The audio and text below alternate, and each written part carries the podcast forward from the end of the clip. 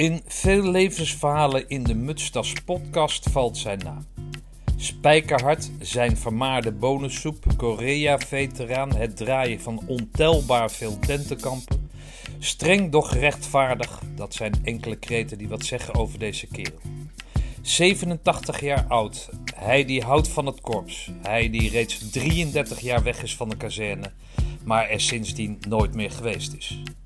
Lichting 58.5. Vandaag in de Stadspodcast het levensverhaal van adjudant buitendienst.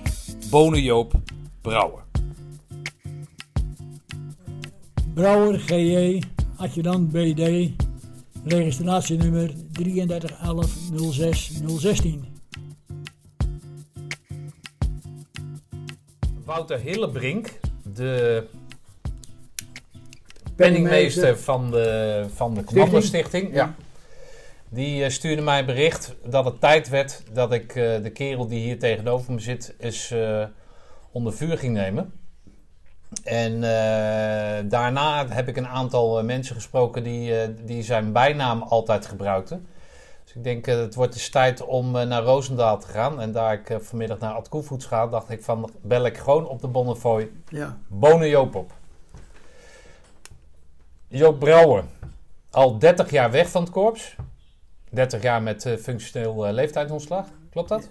Vanaf 1 december 88. Ja, dus nou ja, zo'n kleine 30 Nee, ja. meer dan 30 jaar. Meer, dus. dan 30, meer dan 30 jaar.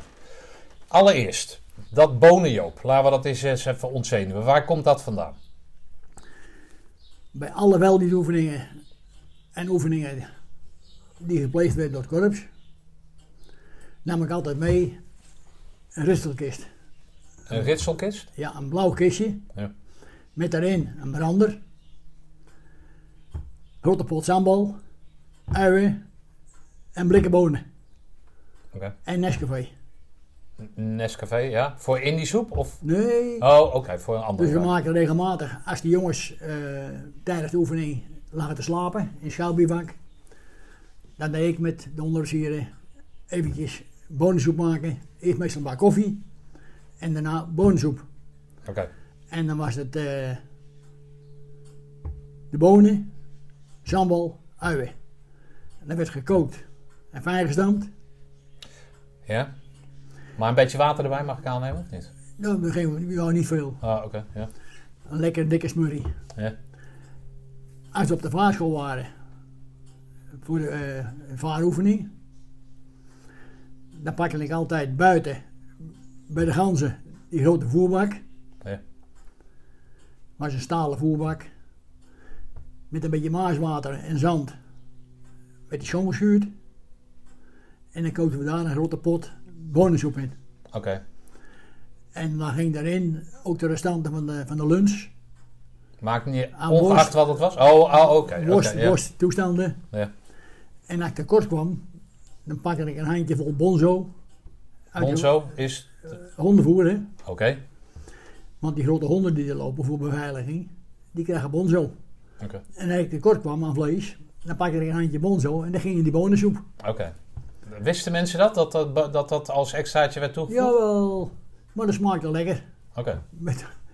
Maar dat bonenjoop, dat betekende dat jij maar één ding op het menu had staan. Dat was die uh, vermaarde bonensoep. Bonensoep, hè. Oké, maar dus het was niet eens een keer Chinese misoep of, nee, wat het. Altijd bonensoep en dat maakte jouw bonenjoop. En als overste vermoeden tijdens de oefening bij ons kwam, ja. had hij altijd mee. Ja. En als hij dan thuis kwam, dan schold zijn vrouw tegen hem. Van je bent zeker weer brouwer geweest, want je stinkt weer. nou hoorde ik nog een ander verhaal over jou van uh, een, of nou, meerdere mensen. Dat jij super netjes bent.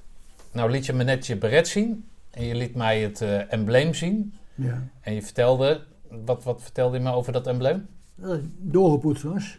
Oké, dus is de gaten zaten in het embleem? Zit, zit er nou een gaatje in, ja. Uh, zegt dat wat over jouw orde en netheid? Dat weet ik niet, maar ik heb altijd hoog het vaandel gehad hygiëne en, en netheid, ja. Oké. Ik moet allemaal spullen in het donker zo kunnen vinden. Ja. Ik weet een kerel en die kwam eens een keer wat bij jou ophalen en toen gingen jullie naar zolder. En toen lagen de, de haringen lagen rechtsgericht en eh, alles eh, keurig, eh, keurig op orde. Ja, Dat is wat je bedoelt. Dat hoort zo, ja. Oké, Ik heb boven op zolder mijn slaapzak klaar liggen. nu nog steeds. Nog steeds. Ja. Mijn uniform. Er staan mijn gepoetste schoenen staan ernaast. Nee, voor als het... Nee, maar dat is helemaal zo. Oké, Wat je, wat je hebt, moet je onderhouden. oké. En eh, dat was nou wel zo. Oké, dat heb jij ook altijd op jouw leerlingen, cursisten, weet ik wat, Ja. overgebracht. Ik heb in mijn eerste levensjaren veel tijd doorgebracht bij mijn opoe. En die was zo. Je opoe, wat is je opoe? Dat is je... De moeder van mijn moeder. De moe- oh ja, oké. Ja, En die heeft mij dat bijgebracht. oké. Dat wat je ook bent, ook al lig je in de goot, je kan het goed voor je eigen zorgen. Hm. En zorg ervoor dat alles netjes is. Dat heb ik altijd van kinderen maar geleerd. Structuur. Hè? Structuur. Structuur, ja. Jij bent een man van structuur. En planning. Ja, oké. Want, jij vertelde mij in het, eh, in het voorgesprek... dat jij op eh, vroege leeftijd die structuur nodig had. Waarom was het ook alweer? Ja, om te overleven. Ja, Als je negen jaar bent als kind en je bent je moeder kwijt, dan moet je voor je eigen zorgen. Ja. Bij, bij je moeder overleed aan kanker. Ja. Je had, je had een zusje, je had een stiefvader. een 4,5 een zusje van 4,5 jaar. Een stiefvader. Was niet slecht voor me. En met 13,5 jaar ben ik gaan werken. Van 's morgens half vier tot half acht bij een weverij. S ochtends hebben we het over dan. Hè? Morgens. Ja. Dan fietste ik in Hilversum naar Philips. Tijdens het fietsen had ik mijn brood op. Dan overdag deed ik in de, in de fabriek mijn werk. S'avonds naar de avondschool. En dan was ik s'avonds om tien uur weer thuis. En eh, dan ging ik slapen, want ik moest om half vier weer op mijn werk zijn. Oké. En dan had ik twee banen. En daardoor kon ik mijn stiefvader compenseren voor hetgeen die tekort gekomen was. Ja, Aan mij. En eh, de, de avond dat ik geen school had, ging ik de sportschool. Boksen en judo. Oké, dus dat uit een beetje uitrusten. Dat, Ja. dat, oh, dat boksen, en dat was uitrusten. Voor mij wel, ja. Boksen en Ja. judo. Geestelijk uitrusten dan, Ja. mag ik aannemen. Oké. Dus ik mag zeggen dat je vrij, eh, vrij fit was toen de tijd. Ja. Eh, je verantwoordelijkheidsgevoel had. Ja. Eh, je vertelde over dat jouw vader eh, alimentatie gaf aan jouw moeder voor jou. Ja. Toen je moeder eh, overleed, heb je die alimentatie nooit meer willen ophalen. Nee. Wat zegt dat over jou? Dat ik graag mijn eigen zaken doe. En daar eigenlijk niemand meer nodig heb. Hm.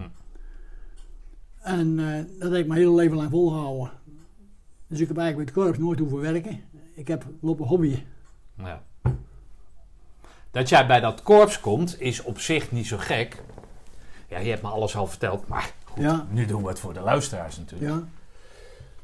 Want jij gaat in, eh, in dienstplicht, hè? jij Ja. gaat de dienstplicht vervullen. En dan kom jij op een gegeven moment in die situatie waarin ze mensen vragen om naar Korea te gaan. Ja. Korea was 52 tot 54, vertelde je me net. Hoe is dat, hoe is dat verlopen? Van 50 tot 54. Hoe is, dat, hoe is dat proces voor jou verlopen, dat Korea, dat Korea ding? Jij steekt je klauw op, ik wil naar Korea. Ja, nou, dan word je gekeurd. Dan vallen de mensen af van de, van de groep die politiek onbetrouwbaar zijn. Of die lichamelijk niet goed zijn. Dan blijven er een aantal mensen over. En dan word je naar eh Oostenrijk gestuurd. Daar word je gelegerd. En dan kom je in Roosendaal voor de opleiding. Ja, Nou ja. de opleiding, voor de duidelijkheid, de opleiding Ja. naar Korea toe. Ja. Ja. Nou ja, en dan kom je van Korea terug. En dan op een gegeven moment dan kom je bij het korps. Wat jij toen al kende, Ja. maar jij gaat vanuit Ossendrecht, vertelde je, ga je elke dag hardlopend naar Roosendaal, Zo'n beetje wel, hè, ja. als opwarmertje. Ja, Daar krijg je dan, zeg maar, de gevechtscursus ja, die je nodig had om naar Korea te gaan. Je gaat met een man of 200, 207. 207, ga je naar Korea toe. Ja, Via welke, welke steden? Want je, je gaat ergens, eh, eh, eh, stap je op een boot. Waar stap je op een boot? wij, stappen, wij zijn dus vanaf Roosendaal uitgezwaaid door de weduwe van Overste de Oude. Ja. En de overste oude was iemand die ook in Korea gevochten had? De bataljonscommandant van Korea die gesneuveld is. Oké. En dan ga je naar Marseille. Dan word je gelegerd bij de legionairs in Fort Nicolaas. En zo gauw de boot ervoor ligt, dan ga je op de boot. En dan ga je via het Suezkanaal, via Singapore, ga je naar, eh, naar Vietnam. En dan word je, word je daar in de kazerne gelegerd. Bij de legionairs weer. In afwachting van die grote Amerikaanse schuit. Het troepentransportschip. Daarmee ga je via China, via Hongkong en, en, de, en de Filipijnen naar Osaka in Japan. Dan lig je weer in de kazerne. In afwachting van een andere boot die bestemd is om ons naar Korea te brengen. Hoe- Over hoeveel weken hebben we dan dat je onderweg bent, eh, Job? Ik denk een week of vijf, zes. Oké. Maar dan ben je 19, toch? Ja, Ja, je bent natuurlijk vrij snel al zelfstandig geworden. Dus je bent, eigenlijk ben je al een, een kerel met ervaring. Levenservaring. Ja, ach. Nou ja, als je twee Maar- banen hebt van maar- half vier tot tien uur s'avonds. En Maar- als je, als je op je vrijdag ook nog naar de sportspool gaat omdat je daarvan uitrust. Dan Ja. ben je wel wat gewend, toch? Jawel, maar eh, een mens is nooit volleerd. Heb ik mis in mijn leven. Nee, snap ik. Maar als je 19 bent Ja. en je komt zes weken op een boot Ja. met legionairs Ja. en weet ik wat. Dan, dan klinkt dat als een heel spannend Ja, ja. eh, jongensboek. Ja, Hoe ga je dat te- tegemoet dan? Eh, Sta je overal open voor? Geniet je ervan? Of, of, of ben, je, ben je wel eens bang geweest op dat moment? Nee? Nee. Ik heb altijd gedacht, je kan maar één keer doodgaan, dus wat zou ik maar zorgen maken? Hm. En eh, het is dan zo dat je om je heen kijkt en leert van je medemens. En als je in een ander land komt, dan moet je je aanpassen aan de cultuur. Niemand op zijn tenen gaan staan en proberen ook daar weer te leren. Ja. Maar even wat anders. Wist jij, wisten jullie, wat jullie daar eigenlijk gingen doen? Wist jij, werd je voorgelicht over wie ging je bevrijden, wie ging je helpen? Wist je dat? Eh, ik wist dat Zuid-Korea bijna onder de voet gelopen werd. Op een klein puntje na door Noord-Korea. Ja. Dat werd gesteund door karrevrachten wapens van Rusland. En miljoenen Chinezen die kwamen helpen om Zuid-Korea te overwinnen. Toen het bijna te laat was, heeft Amerika vanuit Japan snel troepen aangevoerd om die punt te houden. En toen hebben ze gevraagd aan de hele wereld, kom ons helpen. Hm. En er zijn er van een hele hoop landen, van Turkije en Thailand en, eh, en Griekenland en eh, Frankrijk, België en Nederland, eh, mensen gekomen om die Amerikanen te helpen, om die Noord-Koreanen terug te dringen. Ja. De Zweden en de Denen hebben hospitaalschepen gestuurd, die lagen voor de kust, voor noodgevallen. Maar ik bedoel meer te zeggen, je komt eigenlijk net uit die Tweede Wereldoorlog. Hè? Ja. Of iedereen is vers met Ja. die gedachten. Heb jij dan, voel jij de drang dan om, om het, het, de Russen tegen te houden? In de zin van dat, dat, dat snap je wat ik bedoel? Ja, ik moet het Zoals die jongens uit Amerika, Canada naar Nederland kwamen om Ja. ons te bevrijden. Ja, net zoiets. Zo, voelt zo Ja. voelt dat ook Ja. als jij naar Korea gaat. Kijk, en mijn stiefvader was militair geweest bij de Rode Huzaren. Oké, Mijn grootvader bij de Blauwe Huzaren, want dat was, die was groter en langer. oké. De Rode Huzaren waren verkenners, die waren klein en de Blauwe die waren lang. Oh, is het zo? Geen idee, maar dat neem ik zo jou. En die op het paard, met die grote sodo-cape Ja. in blauw. Oh, vandaar blauw. Ja, oké. Ja. Ja. Ja, oh, dat zie je nog wel eens inderdaad. Die blauwe, donkerblauwe cape. Ja. Ja, ja, ja. Oké. Dus Wat grappig. als kind zijn hoor je dan die verhalen van grootvader en vader, van mijn stiefvader, Ja. eh, over het leger. En dan had ik toch in je achterhoofd al een klein beetje, ja, dat lijkt misschien wel wat. Ja. Ik heb mijn opleiding gehad tot bankwerker framebouwer bij Philips. In Hilversum, hè? Ja. Ja. Maar toen ik voor dienstweer moest, toen heb ik dus gekozen om na, na Korea in dienst te blijven. Ik moet zeggen, Philips heeft me netjes behandeld. Want die stuurde mij eh waardebonnen voor veiligheidsschoenen en, en werkkleding. Oké, dus, die- dus zij stonden eigenlijk ook achter die jongens die daar naartoe gestuurd, eh, Ja. eh, zich naar naartoe Maar- lieten sturen. Toen we terugkwamen had ik zo bij Philips kunnen beginnen weer. Hm. Maar ja, daar heb je weinig aan. Ik voelde er niet voor. Nee. Ik zag me niet een hele leven in het verlies staan. Nee. Maar goed, laat- laten we even... Jij komt dus aan in de Korea. Ja, En dan is het dus echt vechten daar. ja, dat is. eh, ja, dat is nou eenmaal anders, niet anders. En. Maar jij, slu- jullie sluiten je aan bij... Hè, jullie staan onder bevel. In, jij vertelde, in totaal zijn er 5000 Nederlanders naartoe Ja. gegaan. Je Wij staat onder bevel van de Amerikanen. 38 regiment van de Amerikanen, de Rock of the Marne. Die is bijna helemaal uitgeroeid in Frankrijk in de Eerste Wereldoorlog. En vandaar dus het schild van de Rock of the Marne. Met die rivier die over de blauwe schild loopt. Oké, jij kent het niet. Nee, ik laat straks even zien. Ja, oké. Maar eh, de, de, de, de regimenten zijn, zijn er vier bataljons. Dat zijn de Shamrocks, die hebben het slavenblad. De speerredders, die hebben een witte vlag. Met een schedel, met doorheen een speer. Oké. Omdat daar van dat bataljon Ja. alleen de vlaggedrager in leven gebleven is. Ah, oké. De rest is gesneuveld. Vandaar de naam speerredders.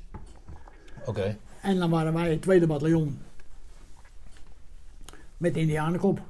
Oké, want En die de- hadden de oorsprong bij de Indianen dan of zo. Nou ja, dat, is- dat is een historie van Amerika natuurlijk. Maar in Korea droegen wij dus de Indianenkop op de mouw met gezicht naar voren. Ja. En op het moment dat je naar huis ging, moest je hem van je mouw afhalen en op de andere mouw zetten. Ah, oké. En dan, Dan dan keek je naar achteren. Ah, wat grappig. En eh, ik las ze daar al even zien. Ja. Maar goed, dus dan ga jij daar vechten. Dan lukt het op een gegeven moment. Ja, Of nee, nee, nee, nee. Na een jaar wordt... Nee, vertel dat verhaal. Jij moet eigenlijk na een jaar moet je terug. Word je ja teruggestuurd. maar dan, dan die jongens, ja, dan, je voelt meer voor de jongens als voor je familie. Ja. Die jongens die ken jij niet, hè, voor alle duidelijkheid. Die ken jij niet. zijn allemaal oorlogsvrijwilligers. Die ken jij niet. Jij Ja. mag naar huis na een jaar. Ja. En jij zegt van nou, moet je luisteren. Ik kan die jongen, de jongens niet in de steek laten. nee. Terwijl je ze niet eens kent. Nee. Maar ik zeg al, eh, dan kom je terug. En op een gegeven moment, via een omweg, kom je dan bij het eh, korps terecht.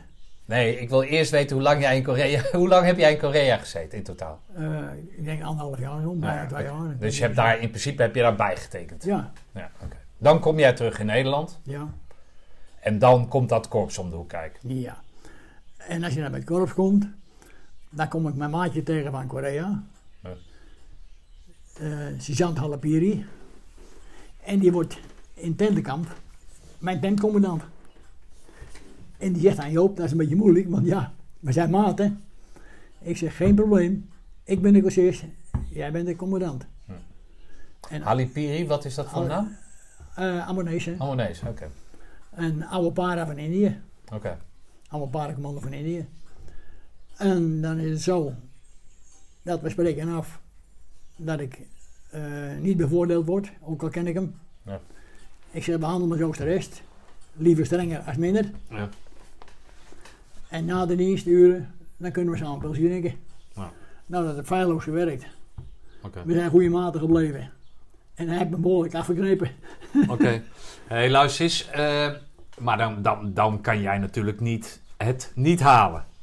Dus je bent gebrand om dat ding te halen, toch? Tuurlijk. Maar je hebt al voldoende ervaring in ieder geval. Eén, in je jeugd, maar twee, heb je bewezen in Korea. Ja, maar je hebt op een gegeven moment ook, doordat je een tijd in dienst bent, bepaalde handigheid. En dat speelt allemaal mee om het makkelijker voor jezelf te maken. Noem eens een paar handigheidjes dan. Nou, we waren bijvoorbeeld eh oefening in Limburg. En dan moesten we in die, eh, in die grindgrond, daar moesten we schuttersputten graven. Ja. En dan liepen de sergeanten te schelden van dat het moest vlugger en harder en het moest dieper en weet ik wat. Maar terwijl we dan daar aan het graven waren en de sergeant even niet oplette, liep ik met mijn maat naar die tent waar hun vreten klaar stond. En we namen gauw een bord mee. Oké. Even bijvoeding eh, stelen. Ja, ja, oké. nou, handigheidje. Ja. dat zijn de, de- de kleine dingen. ja. En eh, dan op een gegeven moment, ja, dan krijg je op een gegeven moment die groene beret. En voor mij was van tevoren al bekend dat ik in de 105 kwam. Dus ik kwam in de 105 in commandocompie. En daar was dan sergeant van Wolveren van het ene peloton. Die was daar OPC. Ja. En Derks van het andere. En ik zat dan in het derde peloton als OPC. Ja. Waar het toen de kapitein Constance. Later korpscommandant. Ja. En dan hadden we dus uh, Samuel Kok. Ook een oude man van een oude, paar, of een oude commando van Indië. Ook streng. En ook heel erg netjes. Nou, daar voelde ik me goed bij. Hm. En uh, toen kregen we dus het gemotoriseerde gedeelte. Toen ik er zat. Dat waren uh, zeven verrets, zes verrets met koepel. Waren dat die wagentjes Scout- met, die, met die wielen zo de- omhoog? Scoutkar. Oh. Dat zijn, en die hebben dus een eh, Rolls Royce motor, verschrikkelijk snel en eh, krachtig. En een Wilson vloeistofkoppeling. En alle vier de wielen eh, veren onafhankelijk. Ja, oké. Ja, en dat komt omdat jij in je dienstplichttijd als chauffeur was opgeleid. Ja, En wat jij vertelde was dat je toen je terug was uit Korea en je had dus bijgetekend, ja, dat je in principe in Hilversum geplaatst werd en dat de overste van het korps jou toen belde van hé, hey, ik heb je hier nodig. Nee, Moet je alleen even de groene beret halen? Ik werd in Huis ten Heide geplaatst. Of Huis te Heide? Per Ja. ongeluk, ja. ja, per ongeluk. Maar de overste de Bruin zegt, eh, ik laat je nu halen. Want tentenkamp begint. Oké. Nou ja, ik heb nooit geen spijt van gehad. En eh, ik heb die altijd goed naar mijn zin gehad.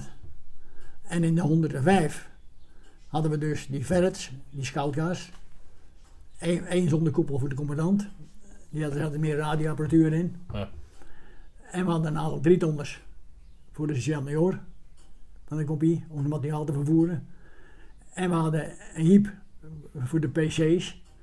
En elk peloton had dan drie eentonders, waar elke keer een groep in kon. Oké.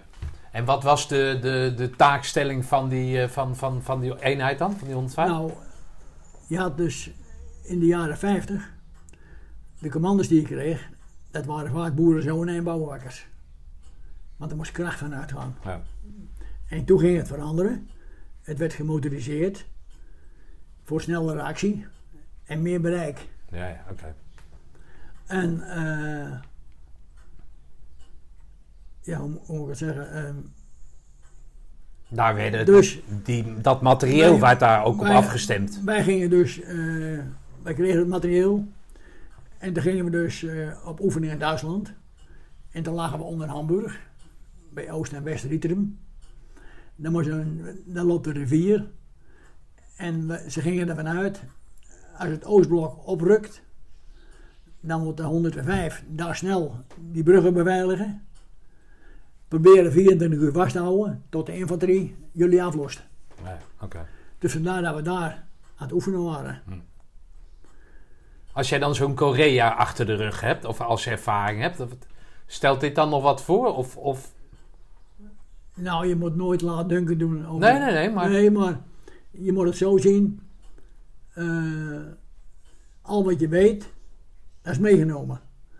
En al wat er nieuw is, dat moet je leren en aanpassen. Ja, oké, maar die extra ervaring die jij meebrengt, kan je Dat- natuurlijk dat- wel overbrengen op de manschappen. Dat probeer je ook. Ja, oké. Want ik ben er ook altijd van uitgegaan. Ik heb niks aan één goede vent. Ik heb veel liever de gemiddelde groep. Hm. En ik probeer ook altijd als er nieuwe jongens kwamen, ze te vertellen dat ik er niet om uit was om één goede vent te kweken door commando, maar een goede groep. Hm. Zodat je op elkaar aangewezen bent.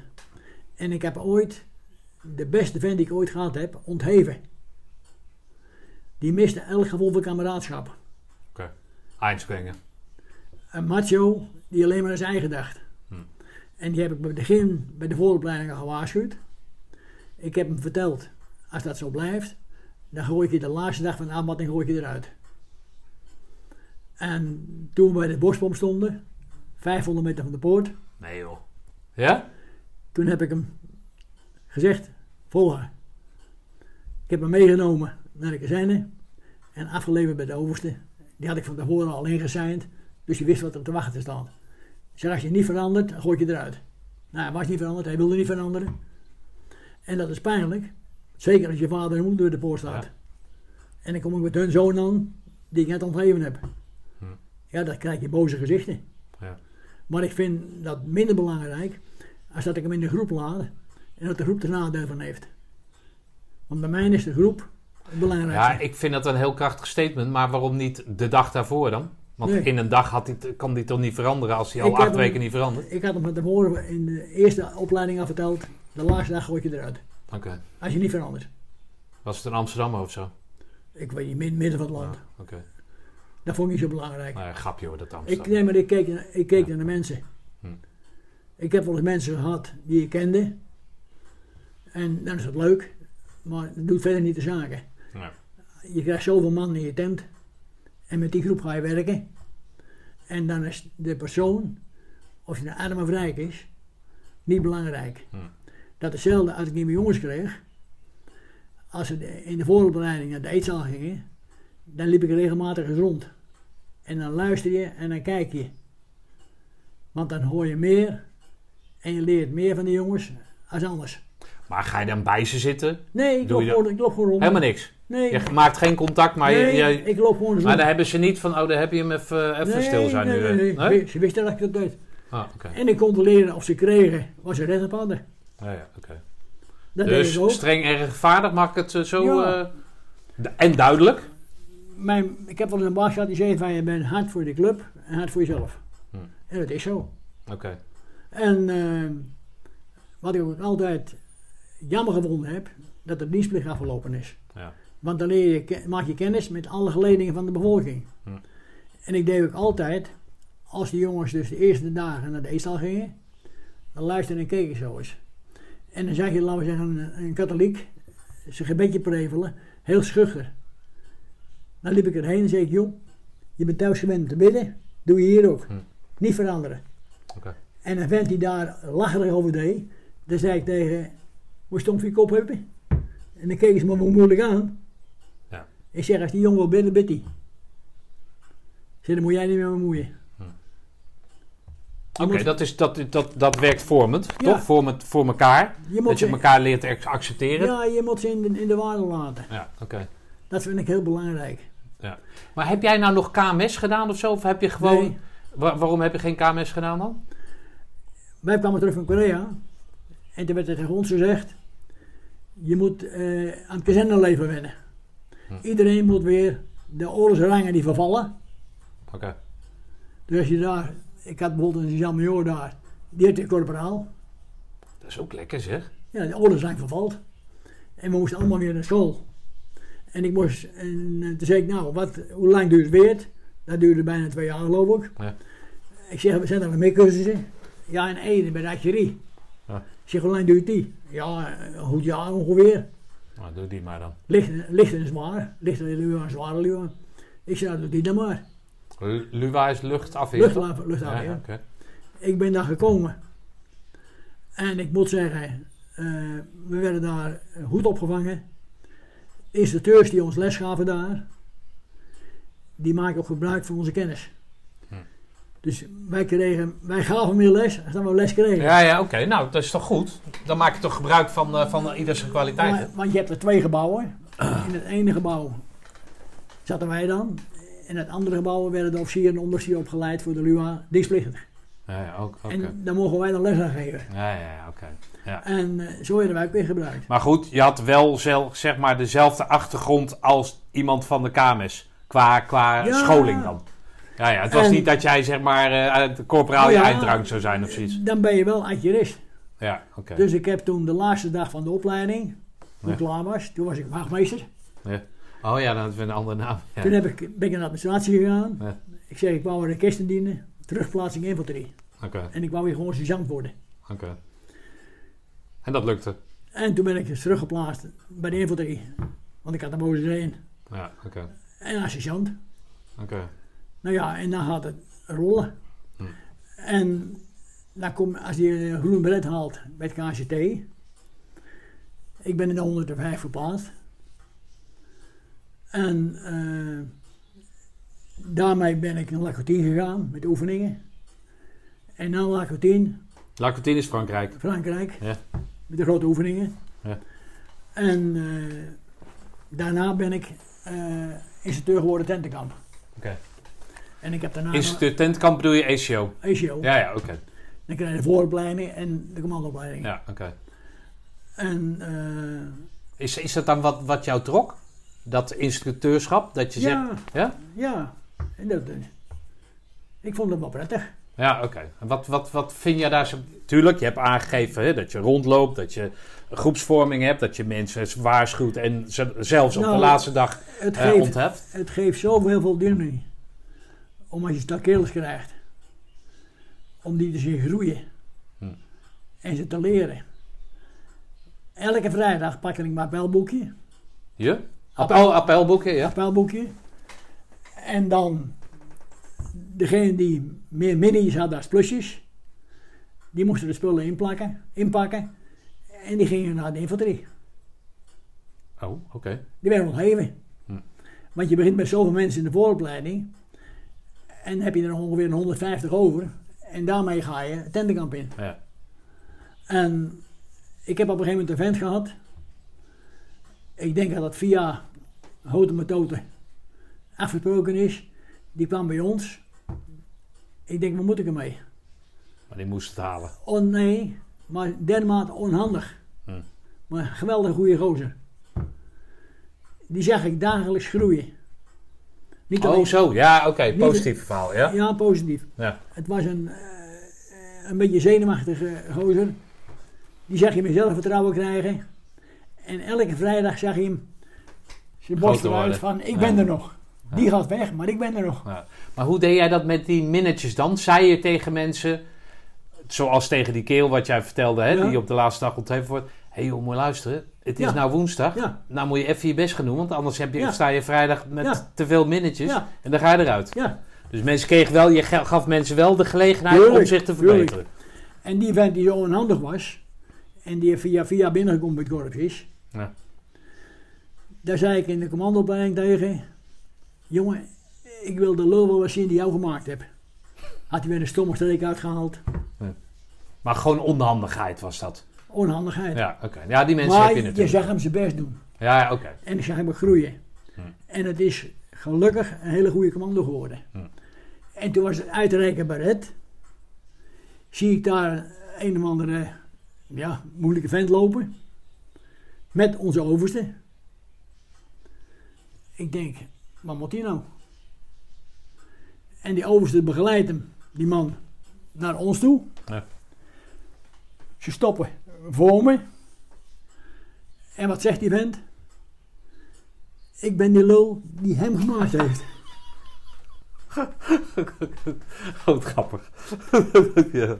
Hij zegt, hij zegt, hij kwam thuis en hij vertelde het aan tafel. Mijn vrouw was pisnijdig en ik lag onder tafel te lachen. Ja, Maar wie was dat? Dat was de minister van Landbouw. oh, mooi. Prachtig. Dus onze overste zei tegen mij, Joop, wat is dat? Ik zei, nou, dat vertel ik nog een keer. Oh, mooi Ik verhaal. zeg, wij begrijpen elkaar wel. Wat een mooi verhaal. Hey, hoe heet dat? eh, hou, je dan, hou je dan contact met zo'n kerel? Niet met die- nooit. maar met nee, die, nee, dat is... Nee, dat gaan, daar komen we later aan dat jij daar een hele vreemde snuiter in bent, inderdaad. Maar oké, maar hoe, eh, eh, hoe verhoudt zich dat dan qua, qua weet ik van, wat is jouw rol binnen dat, binnen dat team? Ik begin, mag aannemen dat je begint als sergeant. Ja, Hè, dan maak je dus meerdere tentenkampcommandanten maak je dan mee. En dan groei jij in je rol.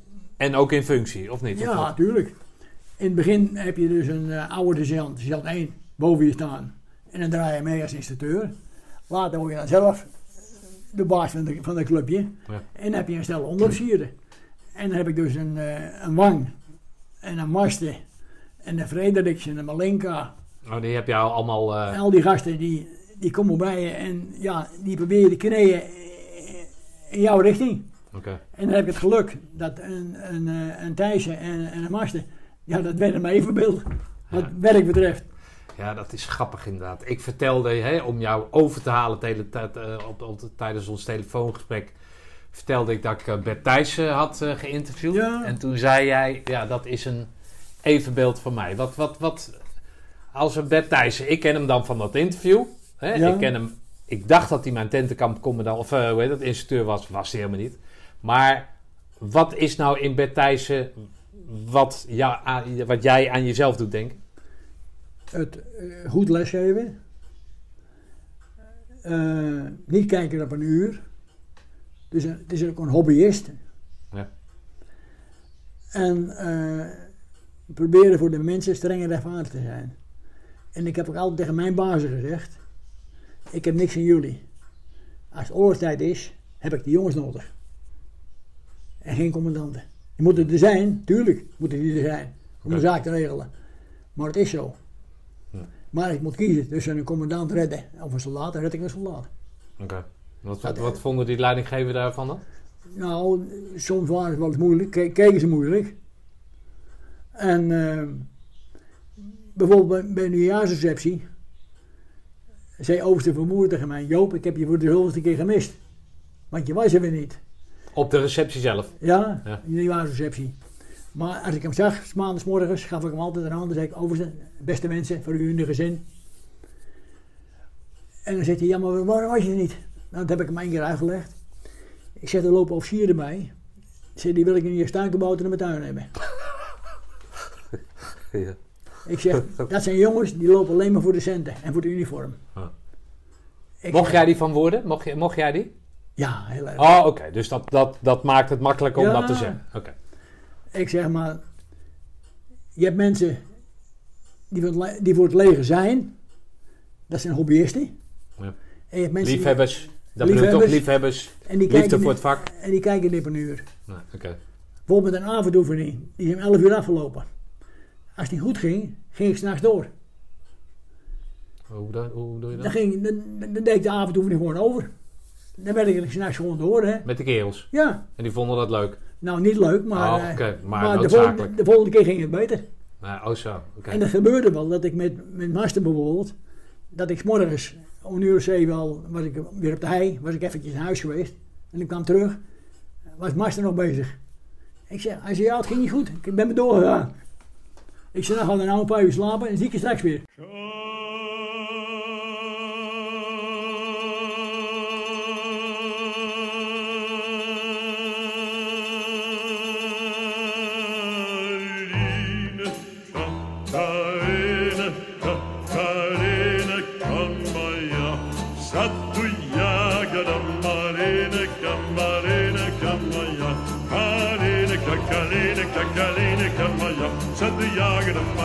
Kamaline, Kamaya, Kaline Kakaline Kakaline Kamaya, Saduyagda Maline Kamaline Kamaya. Hertie!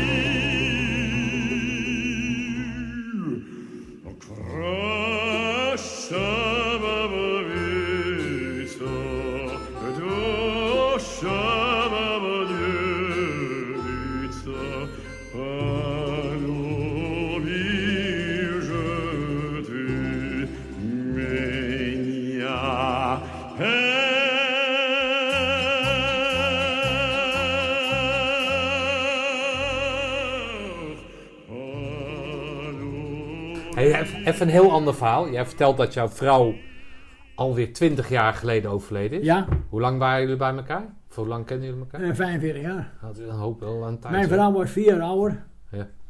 Toen ik in Ede zat, eh, met die opleiding, ben ik het Hoe heet je vrouw? Pijn, eh, Paula Pijnenburg. Ja. Toen ik in Ede in de opleiding zat, ben ik mijn vrouw tegengekomen.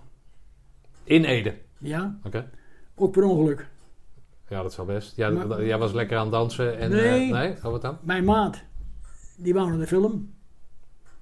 Maar er waren twee problemen. Hij had geen centen. En die meid waar die met mij in de film ging, die wou wel mee als de vriendin ook mee mocht. Oké. Maar die wou wel mee, maar er moest er ook wel een vent bij zijn. Oké. Ja, nou, duidelijke deel, ja. En dat was ik. Oké. Dus ik betaalde de kaartjes en we gingen naar de film. En afloop. Ja, ik vond, ik vond het wel aardig. Ik zei, zie je elkaar een keer. Dat zou ze leuk vinden. Nou, dan hebben we dus afgebroken. En toen vertelden ze dus. Wat doe je dan? Ga je dan eh, uit eten of zo? Of, of- Dus uh, een beetje eten. Oké. Vlak naast de kazerne, een mooi, een mooi thee, theeroom. En uh, ik kon je eten en lekker. en zo. Oké. En eh, toen vertelde ze dat ze vier jaar ouder was ik. Ik zei, nou, ik zei, dat, dat, dat voel ik niet. Ik zeg, eh, Daar voelt niemand wat van. Maar qua geloof zaten jullie op hetzelfde... ja, ja, oeh, die was zo kerks. Ja? Oké. Katholiek, hè? Mag ik ik had, ja. Oké, nee, maar omdat jij vertelde over je, over je echte vader, dat Ja, die, ja, hè, omdat ja. hij dan niet katholiek was en niet katholiek wilde worden, was dat toen de tijd zeker een issue natuurlijk. Dus die familie was erg katholiek. Eh, ik viel dus schijnbaar goed in de pul. En we zijn natuurlijk eruit geweest. Tot er een avond was van de militaire bond. En er was dansen bij. En ik ben een slechte danser, want ik geef niet aan dansen. Maar een foxtrotje, dat lukt nog wel. Oké. Had je wel dansles gehad? Dat wel? Ja, gedeeltelijk. Oké. Meer aan de bar dan Ja, oké. Part-time eh, dansles. Ja. Maar eh, toen danste ik met een ander ding, een foxtrotje. En toen was ze boos. Oké. Toen heb ik er bij de arm gepakt. Ik heb haar netjes thuis gebracht. De deur open gedaan. Ik zeg, meidje, zeg het beste ermee. En ik ben weggegaan.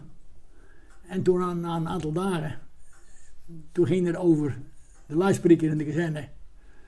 Brouwer, meld de wachtcommandant. En ik in die wachtcommandant. En daar stond haar broer. Van Paul wilde ik toch nog zien. Want eh, ja, wou toch doorgaan. Ik zei nou, Het- Zij had haar broer gestuurd? ja. Oké. Om Slimme meid dus. om te vragen of ik weer terugkwam. Oké. Nou, toen ben, toen ben ik er dus eh, teruggegaan. En toen had ze dus eh, het volgende. Ze zegt, moet je luisteren. Ik loop tegen de 30. En ik wil graag trouwen en kinderen. Hm. Ik zei, nou, dan gaan we over een jaar. Want toen was nog verloven. Dat was, dat die moeder. Ja. Ik zeg, een jaar daarna gaan we trouwen, klaar uit. Maar je voelde dus wel liefde voor haar? Jawel, zeker. Ja, oké. Maar, en ik was het zat om altijd in de te zitten. Ja. Ik wou ook een eigen hok. Nee, maar we hebben het wel over liefde. Niet Ja. puur praktisch, Nee, nee. zoals jij bent. Maar wel eh, een praktische afspraak. Ja, nee, ik Dus ik- ken je nog niet zo lang, maar ik weet dat het dat heb- gebaseerd is op pract- ik, ja. ik heb gezegd, maar luisteren. Ik ga graag een straatje om. Wat betekent, wat betekent Een staartje? pilsje denk ik zo hè. Ja, oké. Eh, als kind ga ik weer gewoon een, een tijdje in het buitenland. Als jij een man wil hebben, elke, elke dag thuis is, dan moet je schoenmaker nemen. Ja, van boekhouden. Ik zeg maar, als jij daarmee kan leven, dat ik jou helemaal vrij laat. In je bedusseling van alles. Ik zeg, en, eh, dan is dat goed. Maar dat, dat impliceert dat jij dus haar, nou niet waarschuwt, maar wel aangeeft wat jouw Ja. leven is. Ja, En hoe, als er dan kinderen zijn, zij wil de kinderen, jij wil dan ook kinderen, mag ik aannemen. ja, Dat dat betekent dat jij, eh, dus als jij 100 uur per week weg was, ja, dan was dat part of the deal. Dat Ja. zat in de afspraak. ja. Wil jij daarmee zeggen dat zij nooit geklaagd heeft? Nee, goed als nooit. Ik heb toen Dus afspraak- als jij s'nachts van de hei binnenkwam, je nam hier een boterham, je ging even eh, op de bank liggen en een uur later ging je weer terug? Eh, ik ging zondagsavond tien uur naar de hei. En ik was in het begin zaterdagsmiddags thuis. Later hadden we de vrije zaterdag, werd ik vrijdagavond thuis. Nee. En ik kwam met de woensdagavond, kwam ik even van de hei terug naar huis. Want ik sliep vaak in tentenkamp om bij de jongens te zijn. Ja. Ik hele boel te controleren. Eh, dan maak ik, ik s'nachts thuis een sliepzeil. En we moeten uur elf, half twaalf. Dan maakte ik een boterham en een glas melk. En ik loop op bed. En dan zei ze, Joop, ben jij het? Ik zei, nee. ik zeg, ben het Kees de buurman. nee, ik zeg, ik zeg, ze meestal de melkboer. nou, en als ze dan wakker werd, was ik alweer weg. Want ik was een uur vijf, zes werd ik alweer weg. Ja, oké, maar daar heeft ze nooit over geklaagd. En dan zei ze tegen de jongens, je vader is vannacht thuis geweest. nou, Oké, nou, maar het is wel duidelijk dat je dus vooraf, de, ja, vooraf het huwelijk, Ja. de liefde, de kinderen, ja, dat dus aangeeft. ja. Het is dus niet wat je wel eens hoort van Luister. dat je dan een mooi beeld schetst en dat in één keer. Ik heb hoe- altijd- Hoe ziet die man er ook alweer Ik uit? heb altijd gezegd van luister, je bent oud en wijs genoeg. Je bent vier jaar ouder als ik. Hm. Je bent chefin van een grote zaak van de Ruiter. Oké. Toen zeg- de, plaat, hè, de, de Ja. supermarkt van toen, hè? Ik zeg dus, ik kom me over het huishouden geen zorgen te maken. Ja. Ik zeg, je mag mijn hele salaris van de bank halen. Mag je allemaal gebruiken. hè. Want ik heb genoeg om mijn over te lagen. En je had natuurlijk altijd je bonussoep. en, mijn, en, mijn, en mijn springgeld. Oh, oh ja, had je ook nog natuurlijk. Ja. Want we kregen toen 30 gulden springgeld. Gewoon handje contantje dan. Nou, aan het eind van de maand. hè. Ja, ja, oké. En Oh, dat is ging- lekker. Er gingen 3 gulden belasting vanaf. En er Ja. 27 gulden over. Oké. En eh, nou ja, als je regelmatig springt, plus je hoeft te lagen, heb ik ge- geen zak gehad nodig. Dus mooi een hele salaris gebruiken. Ik zeg alleen, als je ooit een cent rood staat, krijg je weekgeld. Ik zeg, maar daar ben ik niet bang voor, want je bent wijs genoeg. Ja. Ik zeg, je mag alles gebruiken. Ik zeg, maar grote aankopen bespreken we samen. Oké, en wat, wat zijn grote aankopen dan? Nou ja, bijvoorbeeld eh, nieuwe meubels of toestanden. Ja, oké. Maar Maar voor de rest Moet bemoei je- je nergens mee. Nee. Dus als, het Als- hier, als jij binnenkwam en de hele kamer was veranderd. oh nee, dat, dat moest niet gebeuren. Oh, hoe bedoel je? Nee, Was je ook van het interieur? Je was ook de, de, de, alles, stylist? alles op een vaste plek. Haar vriendin, die versjouwde de hele kamer elke keer. Ja. Ik zeg, als jij dat doet, zet ik je met de meubel buiten. Oké, dus het, het- er was wel weer een bepaalde duidelijkheid aangebracht. Ik heb één keer, had ze een, eh, een grote lage bloembak weggezet. Met cactussen erin. En ik stap op mijn blote poten de kamer binnen, in het donker. Toen heb ik hem wakker gemaakt. Ik zeg, moet je niet meer doen. Dan word ik boos. Dat je blote poten in die kant Oké, dus alles wat, wat ik hier zie staan, Staat al, staat al... zoals jij het neergezet hebt. Oké, Er verandert niks. nee, oké. En mijn zoon, die is zo, die nog thuis is. Als ik ook niet verander, zet hij terug. Oh, oké. Dus hij corrigeert jou daar ook in. alles op een vaste plek. Ja, oké. Maar goed, als jij je daar prettig bij voelt, dan is dat toch eh, prima. Maar het ging mij meer om hoe, hoe, hoe dan zo'n huwelijk zich weerhoudt met dat, met dat leven Ja. op de hei. En, eh, en Als ik vrijdags terugkom van, van de hei, of zaterdagmorgens in het begin, Ja. dan zet ik mijn tas op de keukenmat. Dan zeg ik, Paul, nog bijzonderheden? Niet dat ik weet. Ja. Dus nee, nee. En dan zeg ik vaak mijn jongste zoon, Benno. Als die dikke daar al. Die gaat dan schuldig kijken. Dan zeg ik, vertel jij het maar. Had hij wel gedaan. Ik, oké. Zand erover. Oké. En mijn andere zoon, die lange, die Ja. hier was. En mijn dochter. Oké. Je hebt drie kinderen dus. Of jullie hebben drie kinderen. Ik ben getrouwd in 57 voor de wet. Ja. 58 voor de kerk en de rozen. En mei 58. En negen maanden later werd mijn dochter geboren. Oké. Wat wou ze? Nou, dan doen we dat. Maar Toen daar wil je bij zeggen dat dat ook een soort dienstopdracht was. We, hebben nu seks, want er moet een kind komen. Nou ja. Zij wou daar een kind, die weet vooruit. Oké, Ja. nou oké. Maar wilde jij dan ook graag kinderen? Dat, Jawel. want om- omdat jij dat opleiden zo leuk vindt, dan heb jij wat met jonge mensen. Jawel. Toch? eh, Jawel. Maar ook wel dus met een jong mens Maar- van jezelf dan? Jawel. Of voel je daar meer verantwoordelijkheid voor? Ja, dat weet ik eigenlijk niet. Nee? Ah. Maar toen was ze 4,5. En ik was een, eh, een jaar in Suriname geweest. Oh, ben je ook nog in Suriname geweest? Twee keer een jaar, hè. Ah, ja. oh, jij doet alsof het de normaalste zaak van de wereld. Dat was dat tris. Nou, het was zo.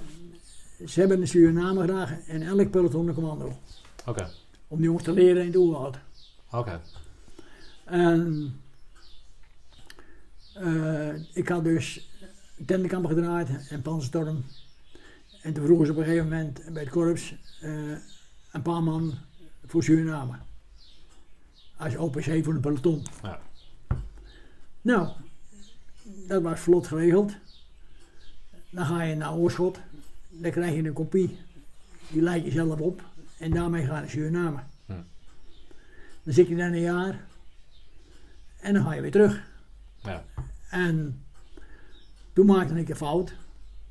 Dat op terugweg kwam ik Major Riel tegen. Ook een oud commando. Die was bij de Gardiaris. Ja. Als grote regelaar. En die vond een paar kompier bij hem niet zo geweldig. En die zei tegen mij, joh, als jij nou bij ons komt, dan kun je het een beetje recht trekken. Ik zei, dat is goed. Nou, daar ben ik aan begonnen. Ik ben begonnen met een paar onderofficieren weg te schoppen. Dat lastpakken waren, waar die jongens meer last van hadden als, als, als gemak. Ja. En dan hebben we het alleen maar over dienstplichtig, hè? Die Ja. dat is Ja, ja. beroepskader dan Ja. maar. Ja, oké. En eh, ik zat er een aantal weken. Toen belde het korps hier. Ben jij dan bij zo de midden? We zitten te wachten op jou. Je staat hier op planningbord. En dan zit je daar. Ik zei ja, dat heeft eh Rul geregeld met de Haag, met de afdeling personeel. Ik zei, ik had er eigenlijk geen bezwaar tegen. Ik zeg, maar nou ik hier zit. En het korps trekt wel weer. En ik stuur nu een chauffeur. En ik ben weer gehaald. En waar was dat dan? In? In Schaakbergen. Maar dan, dan zat je intern daar dus. Ja, En dan kwam je dus in het weekend... Was je ook op zaterdagochtend thuis of zo? Oh nee, vrijdagavond. Ja, oké. Ja, ja, oké. Dus, eh, ik werd overste de Bruin. Eh, Nee, Ooster Bruin, het was een andere Ooster weer. De- Ik dacht, de- de- nou ik weet niet precies meer. Eh, die liep me terughalen gelijk, staande voet. Want Oké. die belde naar Van Dort. Eh, oude korpscommandant, die was daar hoofdpersoneel in Den Haag. Hij zei, Piet, ik wil hem nu terug hebben. Oké, joh. Nou, hij stuurde de combi, ik werd gelijk gehaald. En ik kwam weer binnen. En hij zegt, zo, ben je daar eindelijk? Nou, kleed maar snel om, want ze, er is een peloton op oefening, kan je gelijk aansluiten. Hé, maar hoe deed je dat in Schaarsbergen als je daar de boel recht moet trekken? Eh, omdat dat dan geen groene britten zijn, hè? of in Ja. ieder geval niet in de opleiding. Doe je dan een tandje minder of zo? Of doe je dat dan wat, wat, wat... Nou, Ben je dan wat... gevoeliger voor andere op dingen? halve kracht beginnen en de touwtjes aantrekken. Oké. En eh, dan op een gegeven moment dan loop je daar het kamp en dan gaat er een raam open. En dan roepen ze, Graspol! Oké. Dus men Nou. wees wel bewust van dat dat... Ik ben omgelopen. Ja. Ik ben die kamer binnen gegaan. Ik zeg, wie was die flinke vent? Ja, ik. Ik zeg, vlieg je graag het raam uit? Hij zegt, nee. Ze willen de volgende keer smoel houden. en ik ben weggegaan. Ik heb niks verder gezegd. Ah, Oké. Maar eh, eh, je, je bent wel bewust een tandje minder dan. Je- Ja. Ja, oké. Dus, En kan want zijn natuurlijk ook gewoon dienstplichtig. En dan krijgen ze in één keer zo'n fanatiekeling op En zich. dat kan je er wel bijtrekken. Ja. Bijvoorbeeld, eh, ik zei tegen de club, we gingen naar de, naar de hei daar. Ik zeg, het hele peloton camoufleren. Voor die omgeving. Ik zeg, over een kwartier aan te rijden. Staat daar een luitenant. Ongecamoufleerd. Ik zeg, hoor jij niet bij het peloton? Hij zegt, hoezo? Ik zeg, ik dacht van wel, hè. Hij zegt, ja. Ze willen een vlucht camoufleren en erbij gelegen. Ja, dat, Ja, dat is gewoon jouw schop- ding inderdaad. Ja. schop je tegen heilige huisjes. Ja. En eh, daar zeg ik ook, ik be, luitenant, ik begrijp dat je het niet mee eens bent en dat je baal hebt van mij. Ik zeg mijn commentaar bij Major Roel. Hm. Ik zeg, dus daar kan je klachten indienen. Nou, deze ik niet. Maar, hey, maar dan kom jij weer terug in Roosendaal. En dan kom jij weer in dat instructiewezen. Ja, gelijk. Oké. Hoeveel tentenkampen heb jij gedraaid dan? Ik zou het niet weten. Ik heb mijn hele leven lang hier ook, ik ben twee keer een jaar in Suriname geweest. ja. En de rest heb ik hier gevechtscursussen gedraaid. Dus gevechtscursus houdt in KMA, die komt Ja. drie weken. KMS komt twee weken. KMA komt nog een keer in de laatste week, het laatste jaar, komen ze nog een keer eh, drie weken. En Ja, OCOSD, toch? de verkenningseenheden kwamen hier. De ME kwam hier ook. De Marseillais werden hier allemaal bijgepuind. Oké. En eh, Maar als jij toch onderofficier bent in, met stijging van rang, Ja. moet jij toch op een gegeven moment achter een een of stoffig kantoor gaan, eh, bu- bu- bureau gaan zitten? nee, nee, ik had altijd geweigerd. Ja, maar ik heb wel eens gehoord dat, dat je dat niet kan weigeren. Omdat oh, je, jawel. hoe, hoe doe je dat dan? Ik gezin heb. En de baas hier, die, die zei, eh, ja, Joop op zijn. Ja, dat snap ik. Maar eh, eh, nou ja, ik heb echt van meerdere mensen gehoord van ja, op een gegeven moment kan je dat gewoon niet meer weigeren. Want iedereen moet dat doen. Jij zegt gewoon van, nou het zal wel, maar ik, doe het niet. Ik heb het geluk gehad Ja. dat ik met korps had. Dat de baas me lieten werken op mijn eigen manier. Ik volgde ook niet het precieze draaiboek. Als ik, laten we zeggen, op de hei stond en het regende, ga ik geen lulverhaal staan houden. Dan hou ik ze in beweging. Oké. En dat lulverhaal hou ik dan wel eens droog is. En wat zou het lulverhaal moeten zijn dan? Nou, het gaat... Oh, gewoon ook praten in de zeik in de Ja. regen. Ja, oh zo. Ja, ja, oké. Ik moet bijvoorbeeld uitleggen een hinderlaag of een overvalling. Ja. Dan kan ik de hele theorie gaan houden. ja. Maar daar Ze, hou je ze luisteren, liever ze droog. luisteren toch niet. Nee, ze zijn afgeleid. Ze staan alleen maar te kleumen. Oké. Dan ga ik met die jongens aan de gang. En als het droog wordt, dan hou ik de aanvullende verhaling. Ja, zeg, ja, kijk, we hebben het nou een keer gedaan. Maar in theorie is het en zo en zo. Ja. Moet je daar en daarop letten. Maar als jij zoveel tentenkamp hebt gedraaid, dan hoef, je, dan hoef jij die syllabus, of hoe heet dat ding, dat Nee. hoef jij nooit open te slaan dus. Ik, eh, in de loop van de jaren krijg je elke keer een nieuwe syllabus. Ja. Ik had een hele stapel in mijn kast leggen. Ja. En dan zeg ik, de baas, oh, zo, dan pakte ik hem. En ik probeer altijd het zo te doen dat ik zoveel mogelijk de syllabus in de gaten hield. Maar als het nodig was, daarvan afwijkt als het in het belang van het korps was. Oké. Noem eens dan zoiets als, als het belang van het korps is? Nou, dat ik bijvoorbeeld een theorieles niet geef in stuk ja, zo. ja oké. Dus- maar dat zijn natuurlijk niet hele erg vergrijpen, Nee, toch? maar er zijn bijvoorbeeld wel meer van die dingen. Kan jij dan, omdat je er zoveel gedraaid hebt, is er iets wat er echt veranderd is in dat... In dat Zeker. ja, wat dan? Noem eens wat. Eh, in de jaren 50, toen hadden we, en in het begin 60, hadden we boeren en bouwvakkers. Want het, Ja, dat vertel het was. Ja. veel lichamelijk werk. Ja, dan En- kwamen ze, werden ze gekeurd in de kazerne, bij, Ja. bij die depots, heb ik altijd gehoord. En dan keken ze vooral naar het onderstel. Heb je, Ja, nou- krachtige benen? Het ging zo, je ging de kazerne in met een dokter. En ik zelf dan bijvoorbeeld of een, van- een van mijn maten. Als ik meeging, dan liet ik een natte dweil halen en die gooide ik in de gymzaal. En dan zei ik tegen de baas van die club, ik wil alle jongens met boze zijn hier hebben. Dat is dat alles goed zit, hè? Ja. Ja, qua lichamelijke... En dan liet ik ze over de natte dweil lopen in de gymzaal. Dan kon ik gelijk zien of er platvoeten bij waren. En die gooide ik er gelijk uit. Want als je erge platvoeten hebt en je maakt een, een nachtmars van 70, ki- 70 kilometer met volle bepakking, Ja. dan had dat middenvoetbeentje kapot. Ja, oké. Dus daar ja, dat is ook Die gooide ik eruit. Dan nam ik ze mee in de hindersbaan. Ik ging er met de hindersbaan over. Dan zocht ik een hoog punt uit. Dan zeg ik, lint hem bovenop. Doe je ogen maar dicht. Til je linkervoet maar op. Ja. En je rechtervoet. En dan keek ik naar de stabiliteit. Oké. Als het ook goed was, kon naar beneden. En dan ging ik een aantal rondjes op het voetbalveld lopen. En op een gegeven moment zei ik, alle, alle keer achter die vent wegwezen. Want die waren niet, eh, die hadden niet het gevoel van ik wil erbij horen. Ja. En ik was, Hey, en en het gaf je ook de, de, de, durf bijvoorbeeld, lef? Het zou, het- werd dat ook in die, Nou dat ja, kleine testje? dat, dat, dat kan je zien dus op de hindernisbaan. ja, ja, oh, met dat omhoog. Ja, Omhoog, of iemand ja. zonder schroom naar boven gaat of dat En denkt als, van nou... als ik klaar was, dan had ik er nog zoveel over. Ja. Dan zet ik ze weer in de gymzaal. En dan bekeek de dokter, die bekeek ze allemaal nog een keer. Ja, zo ja. En dan vloog er nog eens eentje uit. Ah, Oké. Dat bijvoorbeeld een vent zei van ja, eigenlijk draag ik een bril. Ja, dat moet je niet Dan zeggen zei die dokter, hoe kun je dan een boze zeen hebben? Ja. Jij. Ja, ja oké. Dus dat, dat was toen.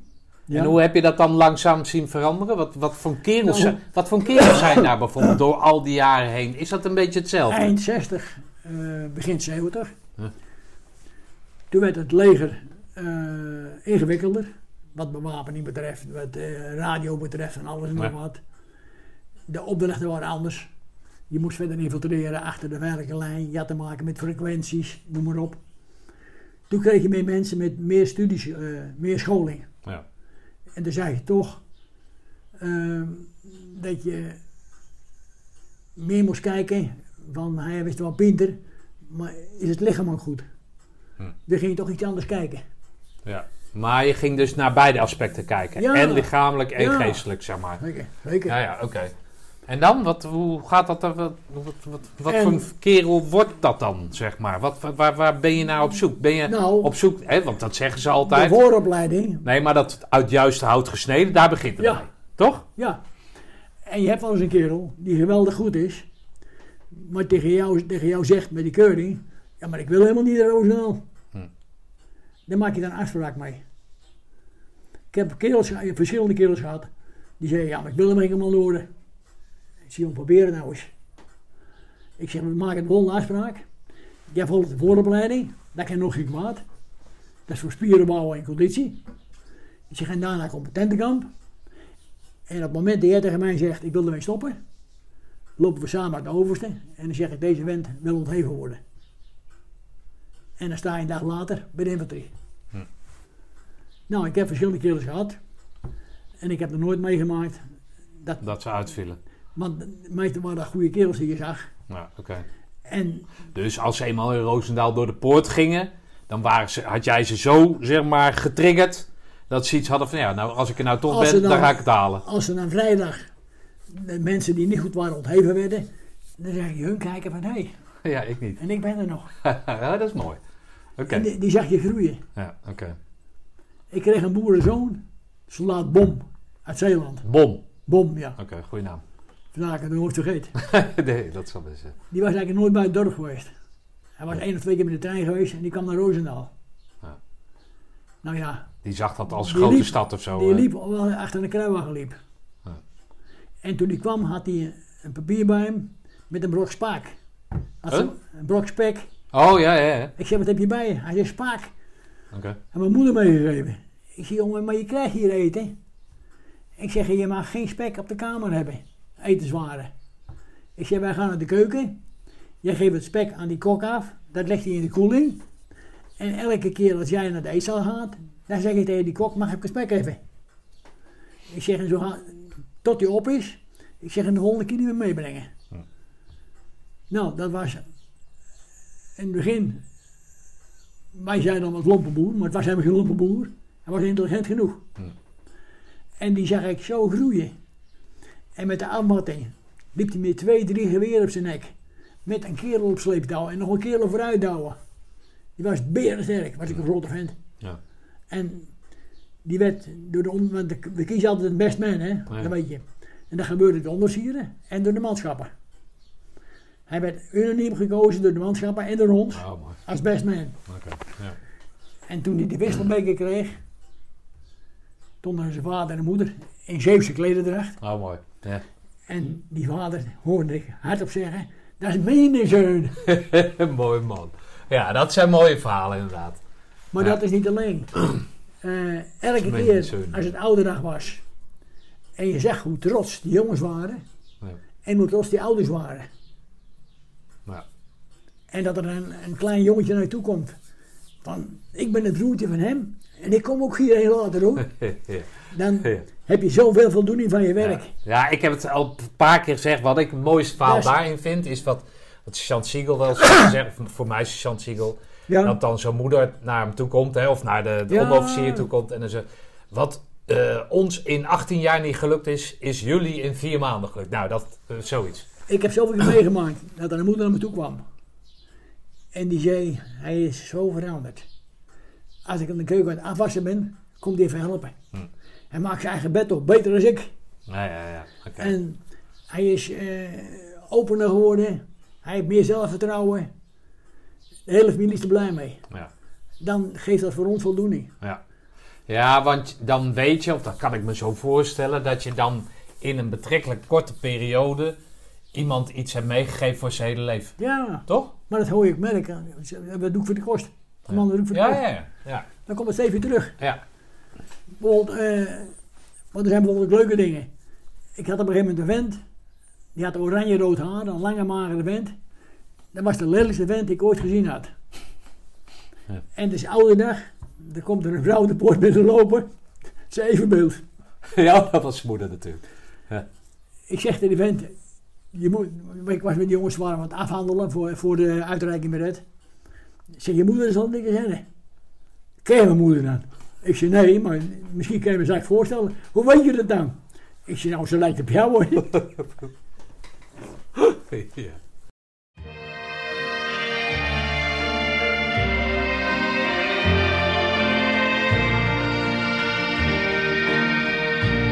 Is it really Is the end of the line?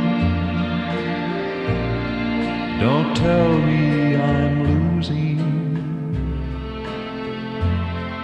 the love that was mine. If you're really leaving, take some so I'll always remember how sweet love used to be.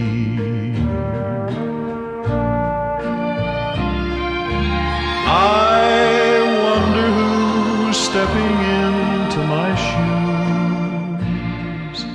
Who can he be? I can Hey, maar in al die tijd, hè, dus als jij dan zeg maar 30 jaar lang die eh eh ACO en gevechtscursus draait, Ja, dan ben jij dus continu, al die jaren, met, zie jij, generaties eh, Ja. collega's langskomen ja, dus. ja. Kan jij zeggen dat dat, hè, als we het over het hout, hè, wij zeggen altijd wij, maar dat wordt vaak ge- gebezigd, dan dat uit het juiste hout gesneden. Maar kan jij zeggen dat in die 30 jaar al die kerels die jij dan ontmoet, of ze nou cursist zijn, of een gevechtscursus, of is het, Ja. dat dat allemaal uit hetzelfde hout gesneden is? Dat heb je nooit, hè. Ieder mens is een persoonlijkheid. Maar, nee, maar die met die maar- groene pol op waar jij het over had. wat ik bedoel dus, dat eh, het moet een vent zijn die zijn leven wil geven voor zijn maat, zeg maar. Zoals wij in Korea zeiden. Liever zelf sneuvelen als zijn maat. Zo heb ik mezelf altijd ervaren in Korea. En zo heb ik het hier ook altijd gezien. Ik wil een kerel hebben die leeft voor zijn maten. Niet voor zijn eigen, niet voor zijn eigen ik. Hm. Want als je een patrouille bent, er zijn patrouilles in de oorlogstijd, het zijn vier, vijf man die op pad gaan. En als de commando is in de oorlogstijd, dan kan je er donder op zeggen dat er van die vier commando's die op pad gaan in oorlogstijd, er maar twee terugkomen. Als het een para is, dan komt er van de vijf maar één terug over het algemeen. Hm. Maar dat, dat weet je als je op pad gaat. Want dan word je ach- gegooid achter de lijn van de vijand. En dan moet je maar zien dat je terugkomt. En je opdracht nog uitvoeren. En dan moeten ze op een gegeven moment. eh, dan moet ik een vent hebben. Die zegt van. Als ik mijn opdracht niet uitvoer. Dan maak ik het korps minder meer te schande. Hm. Dat kan niet. Nee. Het korps is belangrijker dan de vent. Hm. Dus het korps is belangrijker. En dan komt de groep. De groep is belangrijker dan de vent. Ja. ja, dat heb je nu al een paar keer verteld. En daar in die stijl heb jij ten alle tijden dus mensen opgeleid. Ja, Je kan het niet alleen, je moet het samen doen. ik heb niks aan een goede vent. Ja. Ik heb meer aan een goede groep. Ja. Als ik we zeggen de eerste keer de hindernisbaan deed, dan deed ik hem eerst technisch voor. Dan een keer op tempo. En dan denk ik, nou is jullie beurt. Een keer technisch en nou op tempo. Hm. Degene die het goed doen, die gaan koffie drinken, de rest nog een keer. Ja. Maar als er dan een vent vooruit holde, terwijl zijn matig aan de schutting hing, Ja, dan, school, ja. dan schold ik hem wel eens uit. ja, dan eh, heeft hij niet geluisterd Dan of heeft hij het niet Dan begrepen. zeg ik, klootzak, Ja. Wat heb jij voor matengevoel? Ja. Was jij qua, eh, hoe ze dat tegenwoordig dan noemen, extern motiveren? Hè? Dus, dus iemand, zeg maar, aanmoedigen? Of, Ja? Hoe, wat, wat, wat, wat voor stijl hield jij daarop na? Was jij zo'n schreeuwer? Of was jij... eh, Nou, ik kan het nou wel verklappen. Dames en heren, groot verhaal. groot geheim na 30 Nee, jaar. Marsten en ik hadden de gewoonte om in tentenkamp elke week één vent de hele week af te zeiken. Die kon niks goed doen, hij het ook deed. Klootzak, je snapt er niks van. Begrijp je dan nog niet? Kan je niet meekomen? Terwijl die eh, een van de beste was. En dan vrijdagsmiddag, na de inspectie, en dan klopte hij me op de schouder. Dan zeg ik, joh, wat heb jij goed gewerkt van de week? En dan keek hij me grote ogen aan en ik deed niks goed. Ik zeg, ik heb toen je kwam gezegd, je moet door de opleiding heen kijken. Niet alles letterlijk nemen. Je bent goed, wees daarvan overtuigd. Maar we zeiken je af om te kijken hoe jij reageert. Maar je kan niet je spullen er weer neergooien. En zeg, zet hem uit. Heb je niet gedaan. Ik zeg, en waarom doe ik dit Ja, nou? waren die kerels dan zo verrast? Ja. Die hadden niet door dat het een spel nee, was. nee. Ja, niet dat ik het al door had hoor, Terwijl- maar ja, wel een beetje. Maar... Terwijl ik het verteld had van tevoren. Ja, hè. En ik zeg, ik heb de hele week op afzeiken om te kijken hoe je reageerde. Hm. Ik zeg, en waarom doe ik nou na de inspectie jou op je schouder kloppen van goed gewerkt jong? Ik zeg, als ik jou naar huis wil gaan met dit gevoel, dan eet je minder, je slaapt minder en je denkt bij je eigen, volgende week gooi je ze me eruit. Ja. Heb je geen rust van de week. En ik wil dat je in het weekend rust hebt. En daarna vertel ik je dit. Nou, die vent, die ging naar huis, had een Ja, geweldig dat kan, weekend. ja, dat kan ik me voorstellen. Ja. Ja, en dat was geen, er zat geen ra- rang aan, eh, weet ik voor wat, gewoon willekeurig iemand. Of juist de sterke. Ja. Nee, maar je pakte juist de sterke. Nou, iedereen, Om ze even te testen. iedereen kwam een keer aan de beurt. Ah, oké. Ja, maar het duurt toch maar acht weken? Je kan toch niet... eh, oh, je meerdere mensen per dag? mensen. Ja, oké.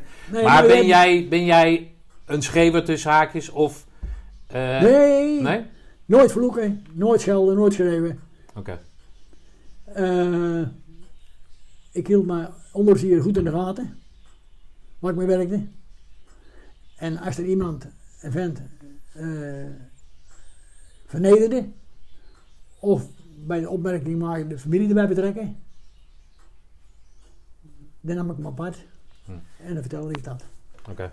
Ik heb, ik zal geen naam noemen, ik heb een sergeant gehad, die voelde zich geweldig, terwijl hij zo geweldig was. Maar die jongens afzeiken, op een vernederende manier. Terwijl ik gezegd had, we breken ze af tot de schoenzolen en dan bouwen we ze weer op. Hm. Dat is de bedoeling. Ik heb die vent een paar keer gewaarschuwd, die onderofficier. Toen heb ik de overzicht uh, ben ik er toe gegaan. Ik ben hem graag kwijt. Ik wil hem niet meer bij hebben. Dan liever een man minder. Hm. Nou, de volgende dag was hij weg.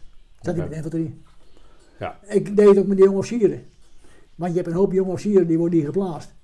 En die worden, ja, omdat ze officier zijn, commandant van tentenkamp. Jonge luitenant of jonge kapitein. En die willen ook wel eens met de opleiding eh, die jongens vernederen. Ja. En dan ging ik, ik luisterde ik zo eens, want ik was met mijn eigen werk bezig, maar ik luisterde wel mee. Dan ging ik erheen, zeg ik, luid op kapitein, er is een telefoon voor je. En dan ging hij weg. En dan kwam hij terug, er was helemaal geen telefoon. Ik zeg, het heeft een andere oorzaak. Dat leg ik je na de les wel uit. En dan op een nette manier, want ja, het was mijn baas, zei ik tegen hem, zo gauw je bent vernederd, verneder je jezelf. Zo gauw je vloekt en schreeuwt, duurt het in feite tegen jezelf. Want je haalt je eigen omlaag. Dat is helemaal niet nodig. Hm. Zie je hoort mij niet schreeuwen en schelden. Als ik mijn stem een keer ver- verheft, dan is dat een aanmoediging. Ja. Maar de jongens wisten precies, als ik zo, zo zei, of zo, zo, wisten ze precies wat ik bedoelde.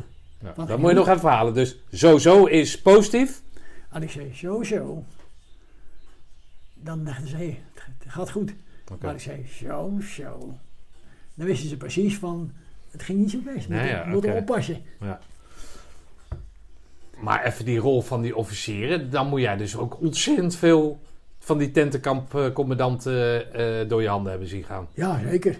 Noem jij mij eens de... En dan niet op wat die later is geworden. Maar op, op menselijk niveau en qua leiderschap. Wat nou, is... er zijn erbij die zijn korpscommandant geworden. Nee, maar noem eens de beste die jij... En dan hoeven Ik we noem dit... geen namen. Nee, Maar je kan toch wel de beste noemen? Nee, nee, dat doe ik niet. Nee? Nee. Ah, Oké. Ik heb, dat vind ik, eh, nee, je- dat horen ze misschien. Dan denken ze, oh ben ik minder dan die anderen. Nee, maar als, je- als één de beste is, ja, goed, maar ah, doen we het niet. Nee, maar daar zijn dus ook allerlei verschillende types. Jawel, Eh, maar dat, dat geeft ook niet. Nou, oké.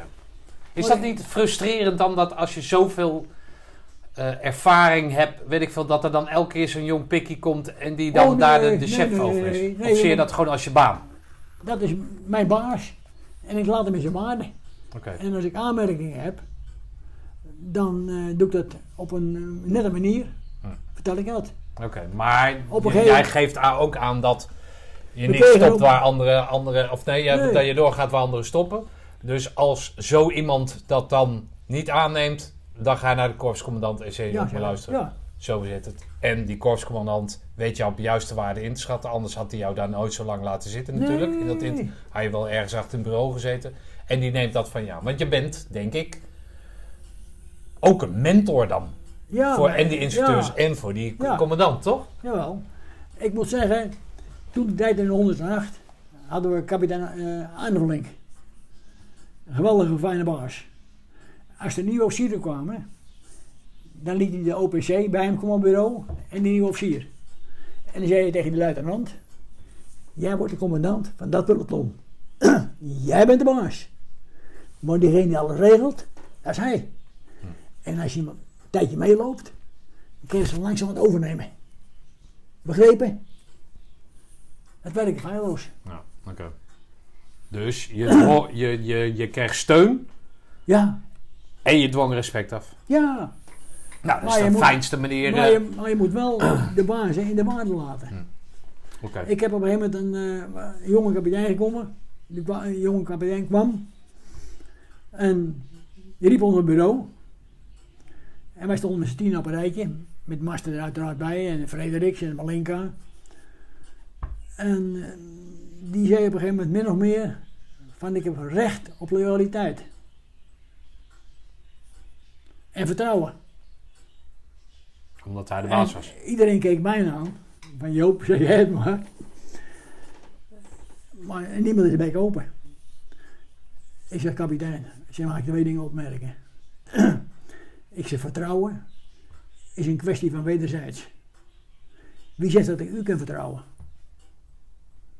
Ik zeg maar, je zal zien dat wij loyaal zijn naar het korps. En hopelijk ook loyaal, loyaal naar u. En ook vertrouwen in u hebben. Maar dat moet je wel zelf verdienen. Maar hoe moet zo iemand dat dan verdienen? Hoe, hoe, de- Nou, dus als officiers het werk goed te doen. Ja, oké. En ons ook te vertrouwen. En ons te wijzen op onze fouten. En er zijn mensen bij die een schoudertopje nodig hebben. Nou, ik niet. Maar goed, er zijn Ja. erbij die het wel hebben. Ja. En die kapitein. Die was zo erg. Eruit! En wij gingen naar de hal. En wij stonden in de hal. Bij het, eh, het aanplakbord. En wij kregen toch een lachbui. Maar het mooiste is, hij was zo kwaad, wij lieten de deur open. Ja. Dat hij die deur dichtnaaide. Ja. Maar die deur die sprong open. Ja. En wat zien we? Dat is je hele bureau schoonveegt. Oké. Waarop ik zei, zelfbeheersing. Ja. En verder niks, hè? Hij zei ook niks, hij deed de deur dicht. Maar zeg jij, daar, zeg je daar nou eigenlijk mee... Toen ben ik even naar de overste gelopen. En ik zeg, de kapitein zus maar zo. En ik vertel het verhaal. Nou, die lag krom van het lachen natuurlijk, hè. Ja. Hij zei, ja, ik had kunnen verwachten met jullie. Maar zeg jij nou eigenlijk dat, dat een officier, een jonge officier dan, hè, zonder ervaring, eh, Ja. weet ik wat, eigenlijk zich, meer moet opstellen als een manager? Hè, Dingen regelen, dingen Ja. voor jullie mogelijk maken. Ja. Zoals jij dan bijvoorbeeld Ja. vertelt over dat jij langs de keuken rijdt en dan Ja. even eh, worst en kaas meeneemt. Ja. Of dat er geen worst en kaas zijn, maar dat, Ja. dat het meer zoiets, het faciliteren van de mogelijkheden die hij jullie geeft. Dan dat hij zegt van we gaan het op mijn manier doen, we gaan het zus doen, we gaan het zo doen. Want Dat- jullie weten het eigenlijk al. dat mag. Ja. Elke week haal je... Ja, het lijkt me ook niet heel slim als een kerel zoals jij zo lang daar doorloopt. En dat ik als jong luitenant tegen jou ga vertellen wat je moet doen. Lijkt me ook niet handig. Nee, maar elke week ga je bespreking. En dan verdeel je de lessen. En eh, dan maak je afspraken. En aan het eind van de week deed ik altijd met mijn ondersteer waar ik mee werkte. In de kantine bij koffie drinken, hapje eten en eventjes recapituleren. Hm. Even doorspreken wat er goed ging, wat er fout ging. Ja. En afspraken maken over de komende week. En dat deed ik met een luitenant ook. Ja. We hadden op een gegeven moment eh overvalling en hinderlaag. Wij deden altijd hinderlaag. Eerst vertellen. Dan school beoefenen. Een praatje. Vragen stellen. En dan deden de jongens een hinderlaag. Dan wees ik een commandant aan. Dat kan een soldaat één zijn. Terwijl die sergeant gewoon erbij was. Maar die sergeant Dan weet iedereen dat hij op moet letten de volgende keer. dus dan deed je hun een hinderlaag. En dan daarna spra- bespraken we het een keer, wat de fout en goed ging. En dan pakten we ze op een morgen twee keer. Twee keer een, hinderlaag van overvalling. Ja, oké. En toen komt een, dan zal ik wel een naam noemen, de luitenant de Bigelaar.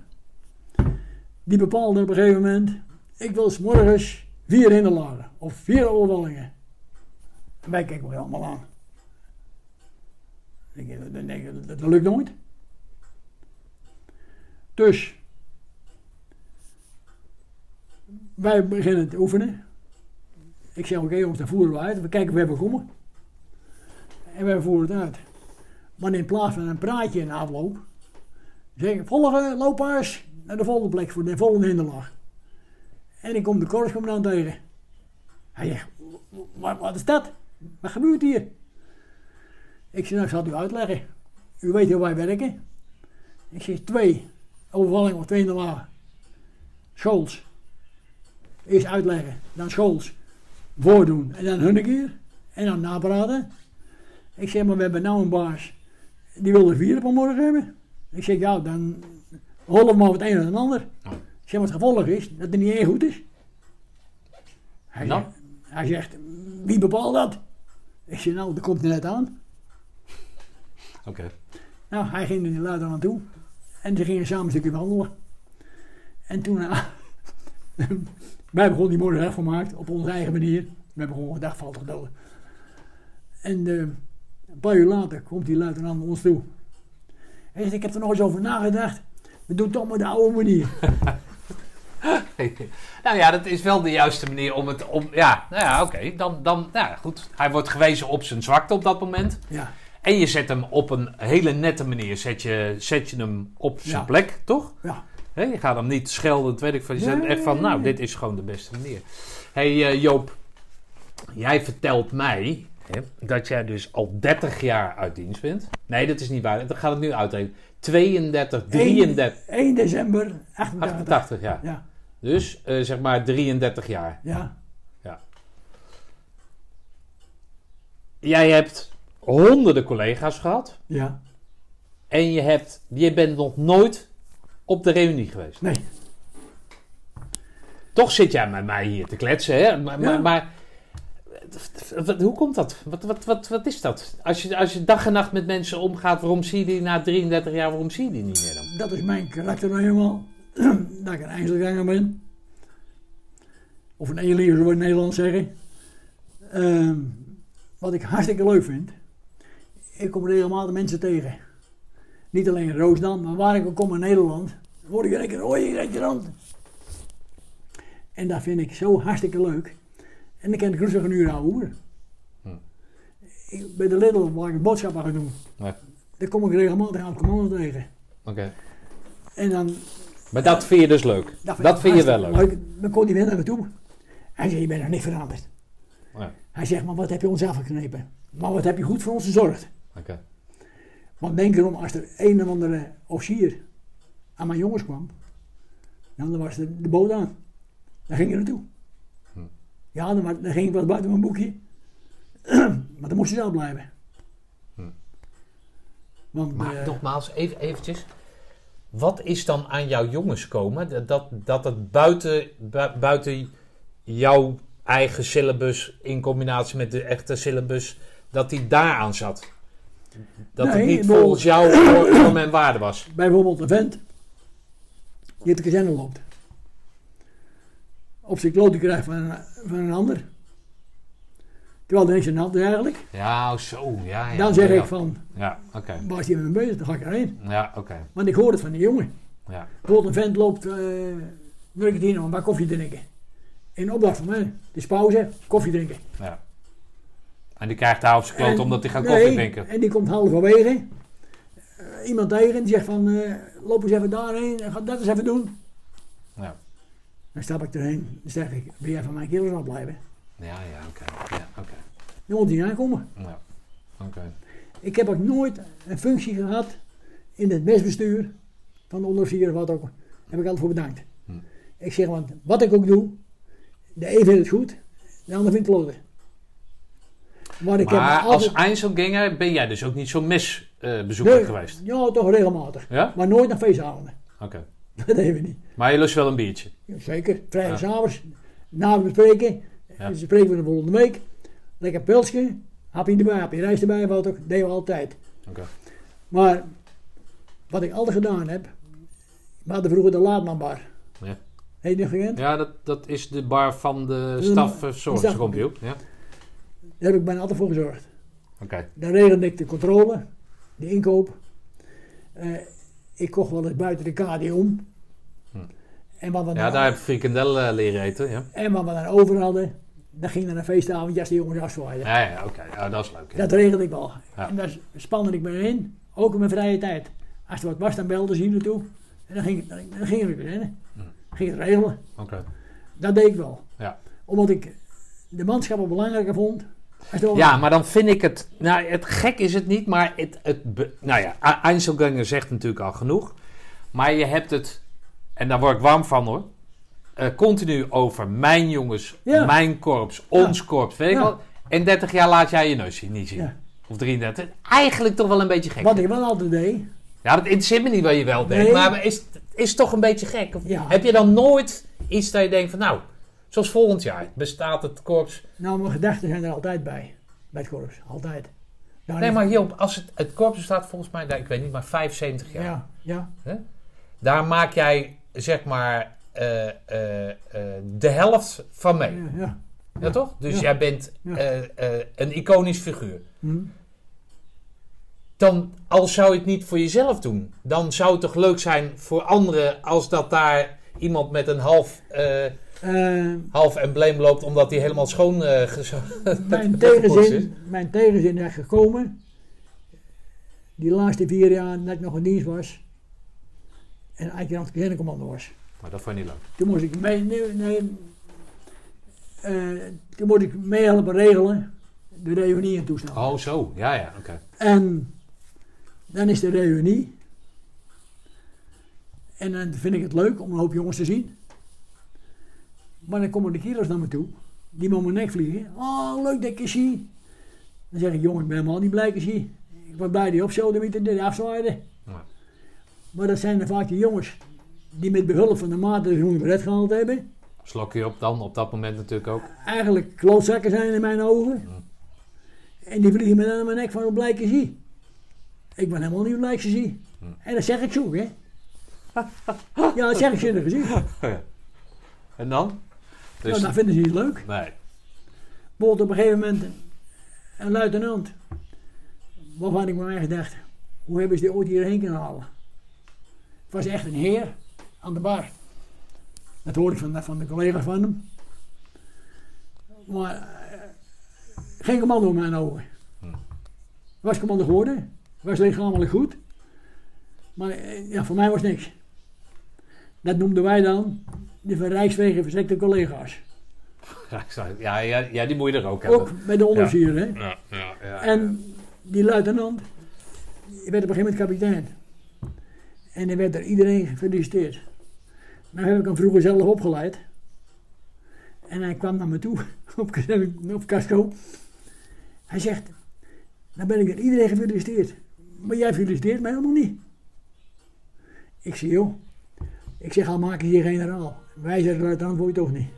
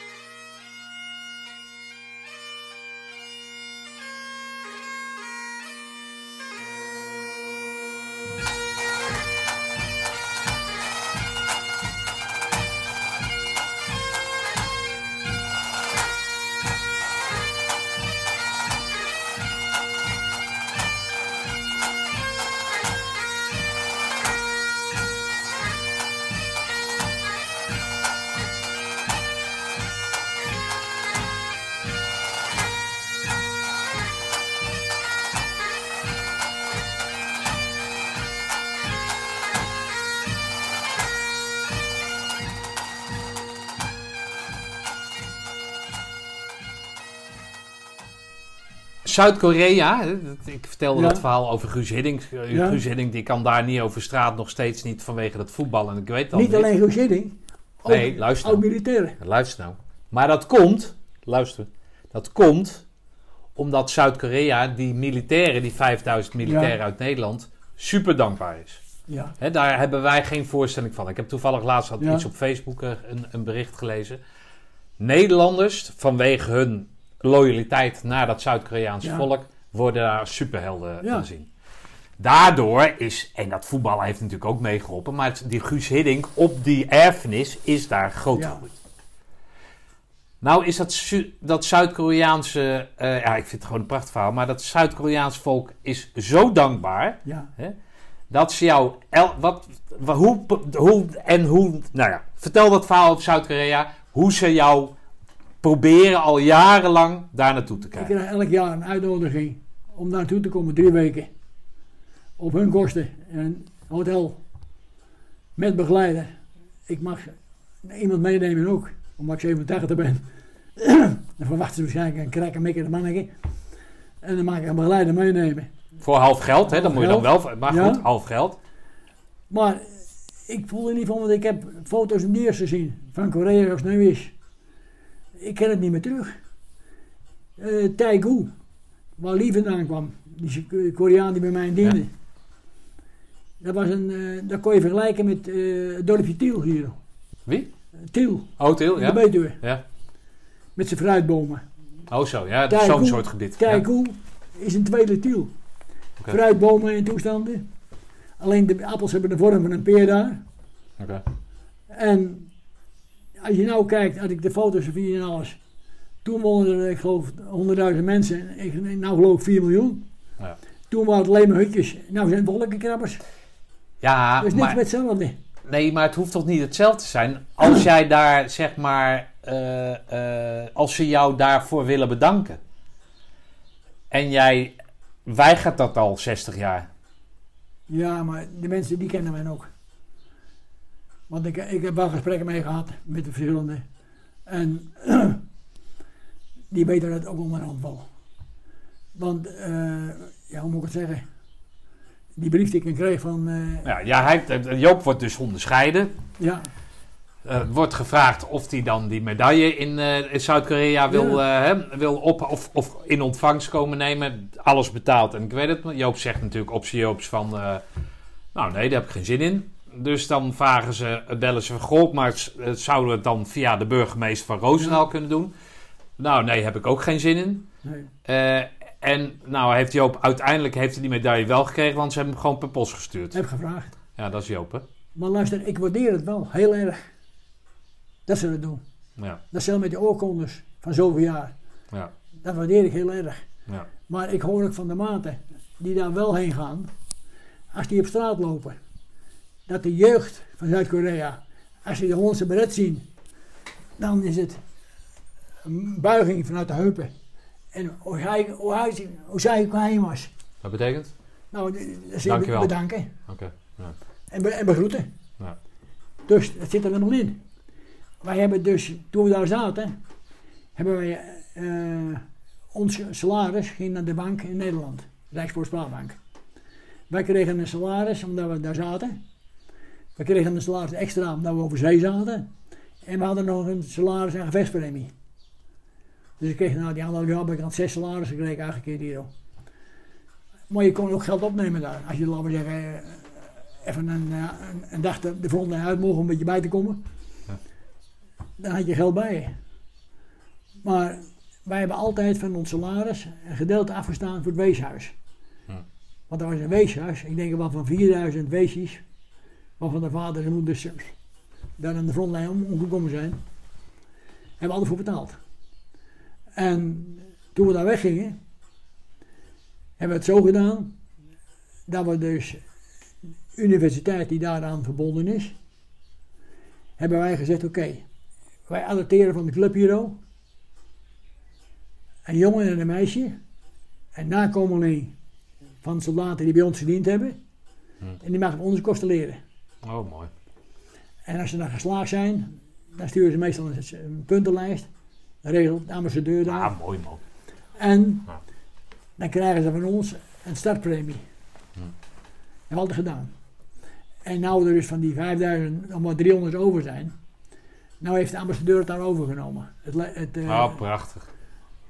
Ja. en als je daar in die school komt, in de universiteit, in de hal een grote vitrine met een, een paspop Nederlands uniform, met Nederlandse postzegels, alles wat Ja. Nederland hoort. ja, ik zie dat jij, daar, dat jij dat prachtig vindt. Ja, ik vind het Maar jij wil het vanuit hier, vanuit dit georganiseerde ding, hier, jouw, jouw huis, Ja. wil jij die verhalen aanhoren. Je wil het Ja. per post krijgen, maar je wilt het niet aan de lijf ondervinden. Nee, dat nee. Nee. Ik heb ook, eh, ik het zeggen? Wat zegt dat dan over jou, Joop? Wa- Waarom, waarom, waarom wil je dat Toen ik naar? Korea ging, heb ik gezegd, moet je luisteren, Zees tegen mij ook, je bent gek. Want ik heb eigenlijk de boel belazerd. mijn vriendje was de zoon van de veldwachter. En die woonde onder het gemeentehuis. En ik heb dus, om naar Korea te gaan, de handtekening van mijn stiefvader nagemaakt. Oh ja, je moest natuurlijk omdat je het... Ja, En hij was was- mijn voogd. Ja. En mijn vriendje heeft het papier gepakt, even naar boven, naar de secretarie, stempel van de burgemeester, gelegaliseerd. oké. En toen zat ik in Korea, toen kwam luitenant Van Dijk bij me en die zei van, eigenlijk ben je hier onwettig. Hoezo was hij erachter gekomen dan? Ja, eh, ik zat daar en mijn stiefvader kwam erachter dat ik weg was. Ah, zo. Ja, oké. Ja, Dus hebben ze gezegd, hoe kan dat? ja dat, dat Dus- is niet zo... Ja. Je bent hier onwettig. Maar zei hij erachteraan, ik kom al mensen tekort. We hebben het ge- ge- eh, geaccepteerd. En eh, over en uit. Ja. We hebben niet meer over gehad. Nee, dat snap En- ik. Ja, als je daar... Hè, je, moest, eh, je was met 700 en het moest een 1200 zijn. Ja, Dus je kwam altijd tekort ja inderdaad. Zuid-Korea erbij. Hè. Ja. Maar ja, ik zeg al, het is zo'n dankbaar land.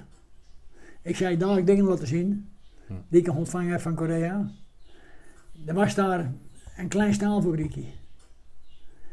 En die was onder de voet gelopen door de Noord-Koreanen. Die kon weer opstarten toen Zuid-Korea weer Zuid-Korea was. Want de, de marine van Nederland is nooit een land geweest, maar die heeft wel vanaf de, de zee, Japanse zee, helpen met beschietingen. Ja. En wij zijn dus vanaf de Incheon halverwege het land en die Noord-Koreanen teruggedrongen. MacArthur, die wou zelfs tot in China toe gaan, want dat deden die rotzakken. Die Chinees die stuurden zo'n miljoen man, hè. ja, daar hebben ze natuurlijk voldoende mensen voor, ja. En, En, het is eh, dichtbij. Die sturen vier compieën in de aanval. De eerste compie heeft geen wapens. Die gooit zich in de besperringen. De tweede compie loopt er overheen met wapens. De, de derde compie ook. En de vierde compie komt zonder wapens. Want die raapt de wapens op van de gesneuvelden. Hm. Zo werken die. Oké. En als ze dan iets aanval deden, dan trokken ze terug in China. Een lange neus. En elkaar wou ze dus daar bombarderen. Ja, ja. Maar toen heeft Amerika gezegd, ja dan krijgen we een wereldoorlog. Dat doen we niet. Ja. En toen hebben ze hem teruggehaald. En een erefunctie gegeven in Amerika. En toen is uh, plunjezakje gekomen. Plunjezak is? Ja, een korte, dikke. Ah, oké. Ja, Een nieuwe commandant. bijnaam. Ja, Een ja. nieuwe commandant. En eh, ja, die, die, was, die luisterde beter naar de regering. Dus Ja. tot aan de breedtegraad en niet verder. Hey Joop Luijs, wat is nou... Hè, want dat is dat, dat centrale ding in de... Nee, nee, nee, dank je. In die Mutstas podcast, zoals ik hem noem. Ehm, wat is nou meer vormend voor jou geweest? Korea of je Groene Brit? Ik denk Korea. Dat denk ik ook, ja. Daar heb ik dus zoveel geleerd van de mensen. Want ze zijn, ze zijn slim, die Koreanen. Wijs. Eh, en ook van de oudere maten. En ja, hoe moet ik het zeggen? Het korps, dat heeft nog meer versterkt het samenhorigheidsgevoel. Terwijl het korps in feite bestaat uit een collectie van alle eigenwijze mensen van Nederland. Die hebben, ze, Eigenwijze mensen van Nederland. Ja. die hebben ze het korps verzameld. Ja. En dat merk ik ook wel eens. Vooral bijvoorbeeld vrijdagavond in de kantine, het oude boeren waren. De ene eigenwijzer dan het ander. Ja. Maar ik zeg al, ik heb hem daar eh, thuis gewoond als in de familie. Elke zondagmorgen ging ik met mijn jongens en met mijn vrouw koffie drinken in de kazerne. Oh, is het zo, ja? Ja, zondagsmorgen. Was, was vroeger, hè. Oké. Ja, de 60. Dus je zaterdagmiddag was je om vijf uur thuis en dan ging je zondagochtend ging je met de hele familie ook nog naar de kazerne om een bakje te Dan doen. kwamen de offici- onderofficieren bij elkaar de in de kantine. Dronken ze gezamenlijk een bakje koffie. En de kinderen waren buiten aan het spelen tegen die baan en de klifte Oké. En dan s'avonds om tien uur was je er weer. Ja. Als, zij toch al, zij hè, Defensie, toch al die overuren zouden moeten uitbetalen, dan waren we failliet geweest met z'n allen, of niet? eh, vooral de laatste jaren van mijn instructieperiode noteerde ik geen overuren. Nee, anders word je gek natuurlijk. En dan gebeurde het wel dat Schrama, de administratieman, bijgehouden had wat voor overuren gemaakt had. En dan stond ik vrijdagavond in de kantine en gaf hij me een envelop. Hij zei, Joop, dat zijn je overuren. Dan kreeg je betaald. Die had hij al geïncasseerd voor mij. Oh joh. En die gaf hij me. Oh, dat is netjes. En dan zei ik van, eh doe er maar bier voor. En dan, Oh joh. en dan dronk ik er een gezamenlijk pilsje van. Oké. hey, maar Toen dat met- dienst... Ja, Toen sorry. ik, toen ik met pensioen ging, Ja. had ik anderhalve maand vakantie, eh, vakantie over.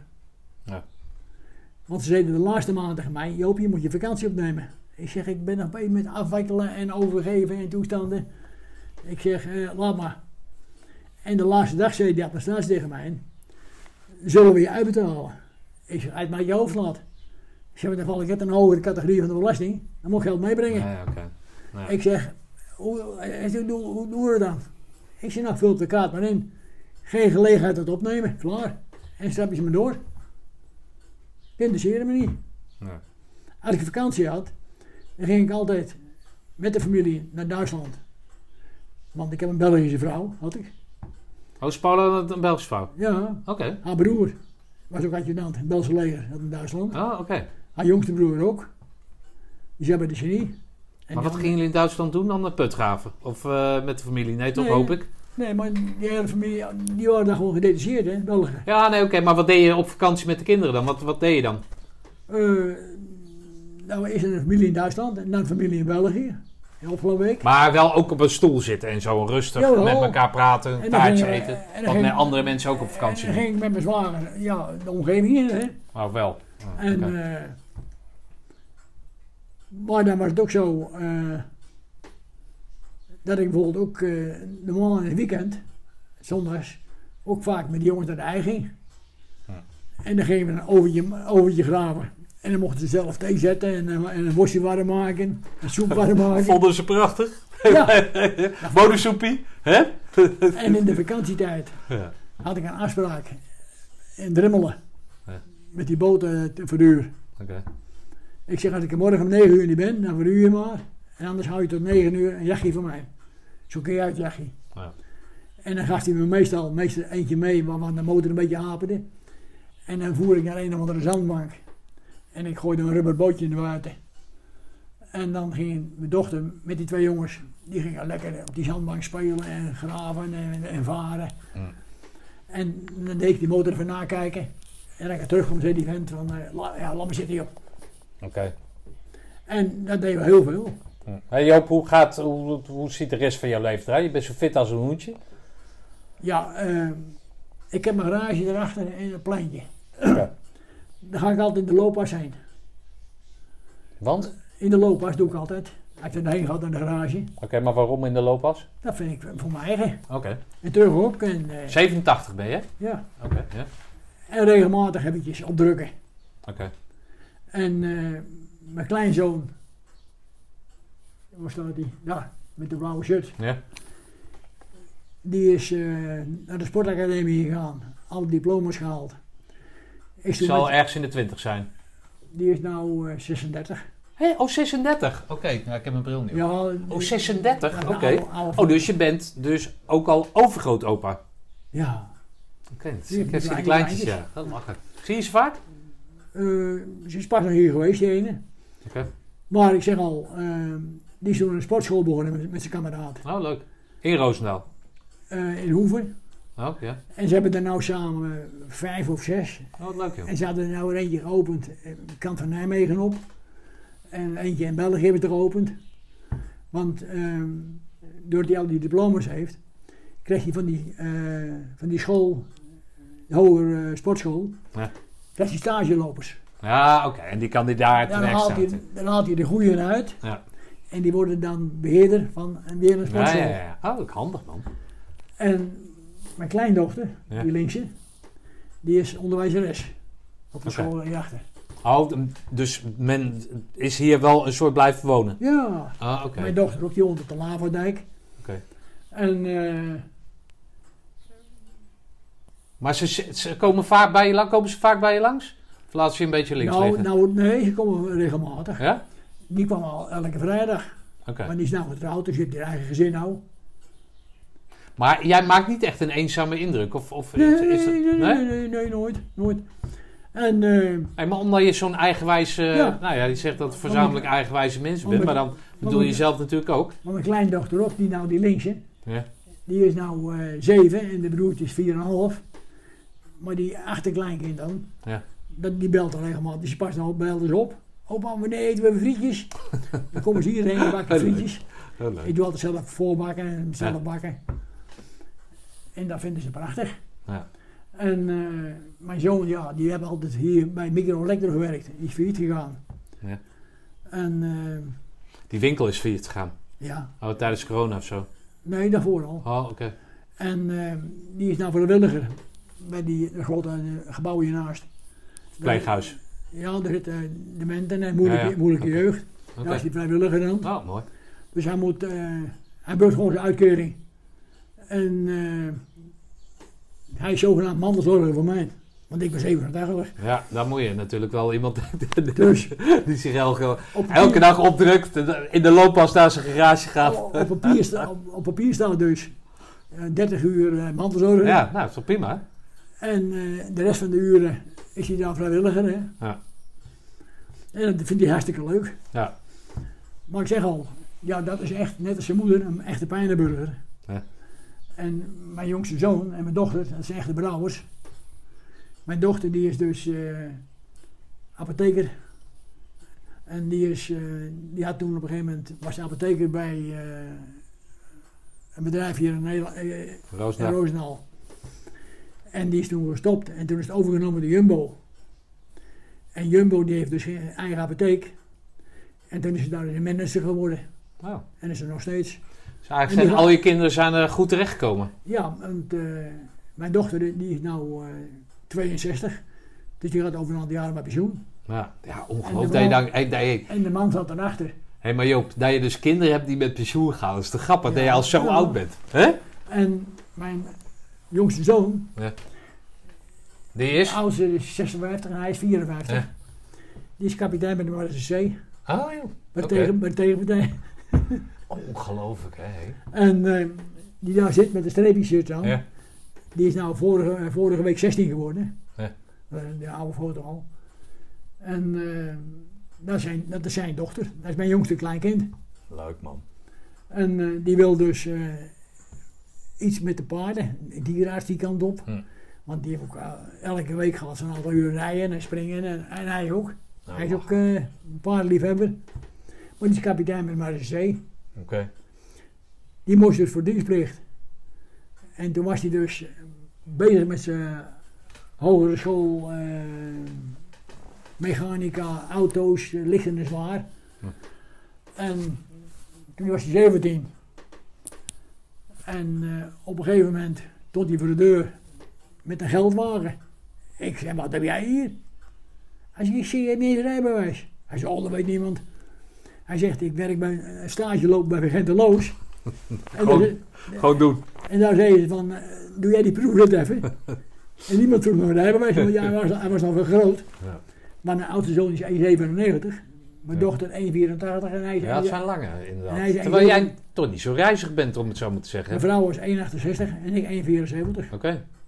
Dus was toch die melkboer dan? Die er, of niet? Maar mijn grootvader, die was 2 meter, dus blauwe Ah, oké. Het heeft gewoon een generatie eh, over, eh, mijn, overgeslagen. mijn moeder, groot, Oké. dus dat is een generatie overgeslagen. Hey Joppie, hoe zie jij eh, je, je toekomst?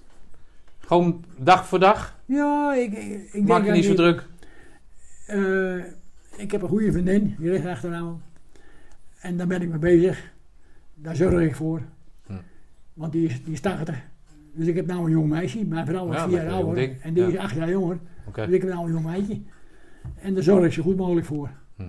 En die heb ik maar een klein pensioentje, dus daar doe ik alles voor. Hm, wat leuk. Want ik hou elke maand de helft over. Want ik heb AOW, ik heb vol pensioen. Plus ik heb nog uitkeringen van Korea en toestanden. Ja. Dus Ja, ik wil afsluiten met dat verhaal dan ook weer dat ze jou dan... Hè, dus jij zwaait af ja, en dan komen ze naar je toe dat je... eh, of je nog drie jaar wil blijven. ja. Hè, want dan ga je meer verdienen. Zij gaan in overleg Nou, van ik- hoe, kunnen we die man, hoe kunnen we die man belonen en binnen de kazernepoort houden. En wat zeg jij? Ik zei nee. En toen kom ik in Den Haag om af te melden. En die generaal zegt, ze hebben gebeld van Oostdal of je nog drie jaar blijven. Zeg, ja, dat verhaal ken ik. Ik zeg, maar... Ik, ik zeg, want de commandant gaat weg. En de nieuwe commandant die ligt mij niet. Die ik zelf vroeger opgeleid. Ik zeg, eh, dus dan loop ik drie jaar in Zuiderijn, dat wil ik niet. Ik zeg, en ik zou het wel doen als de oude commandant blijft. Ik zeg, want ook al scheelt het me helemaal niks, twee- kwartjes per dag met de guldens. Ik zeg, maar geld interesseert me niet. Heb me nooit geïnteresseerd.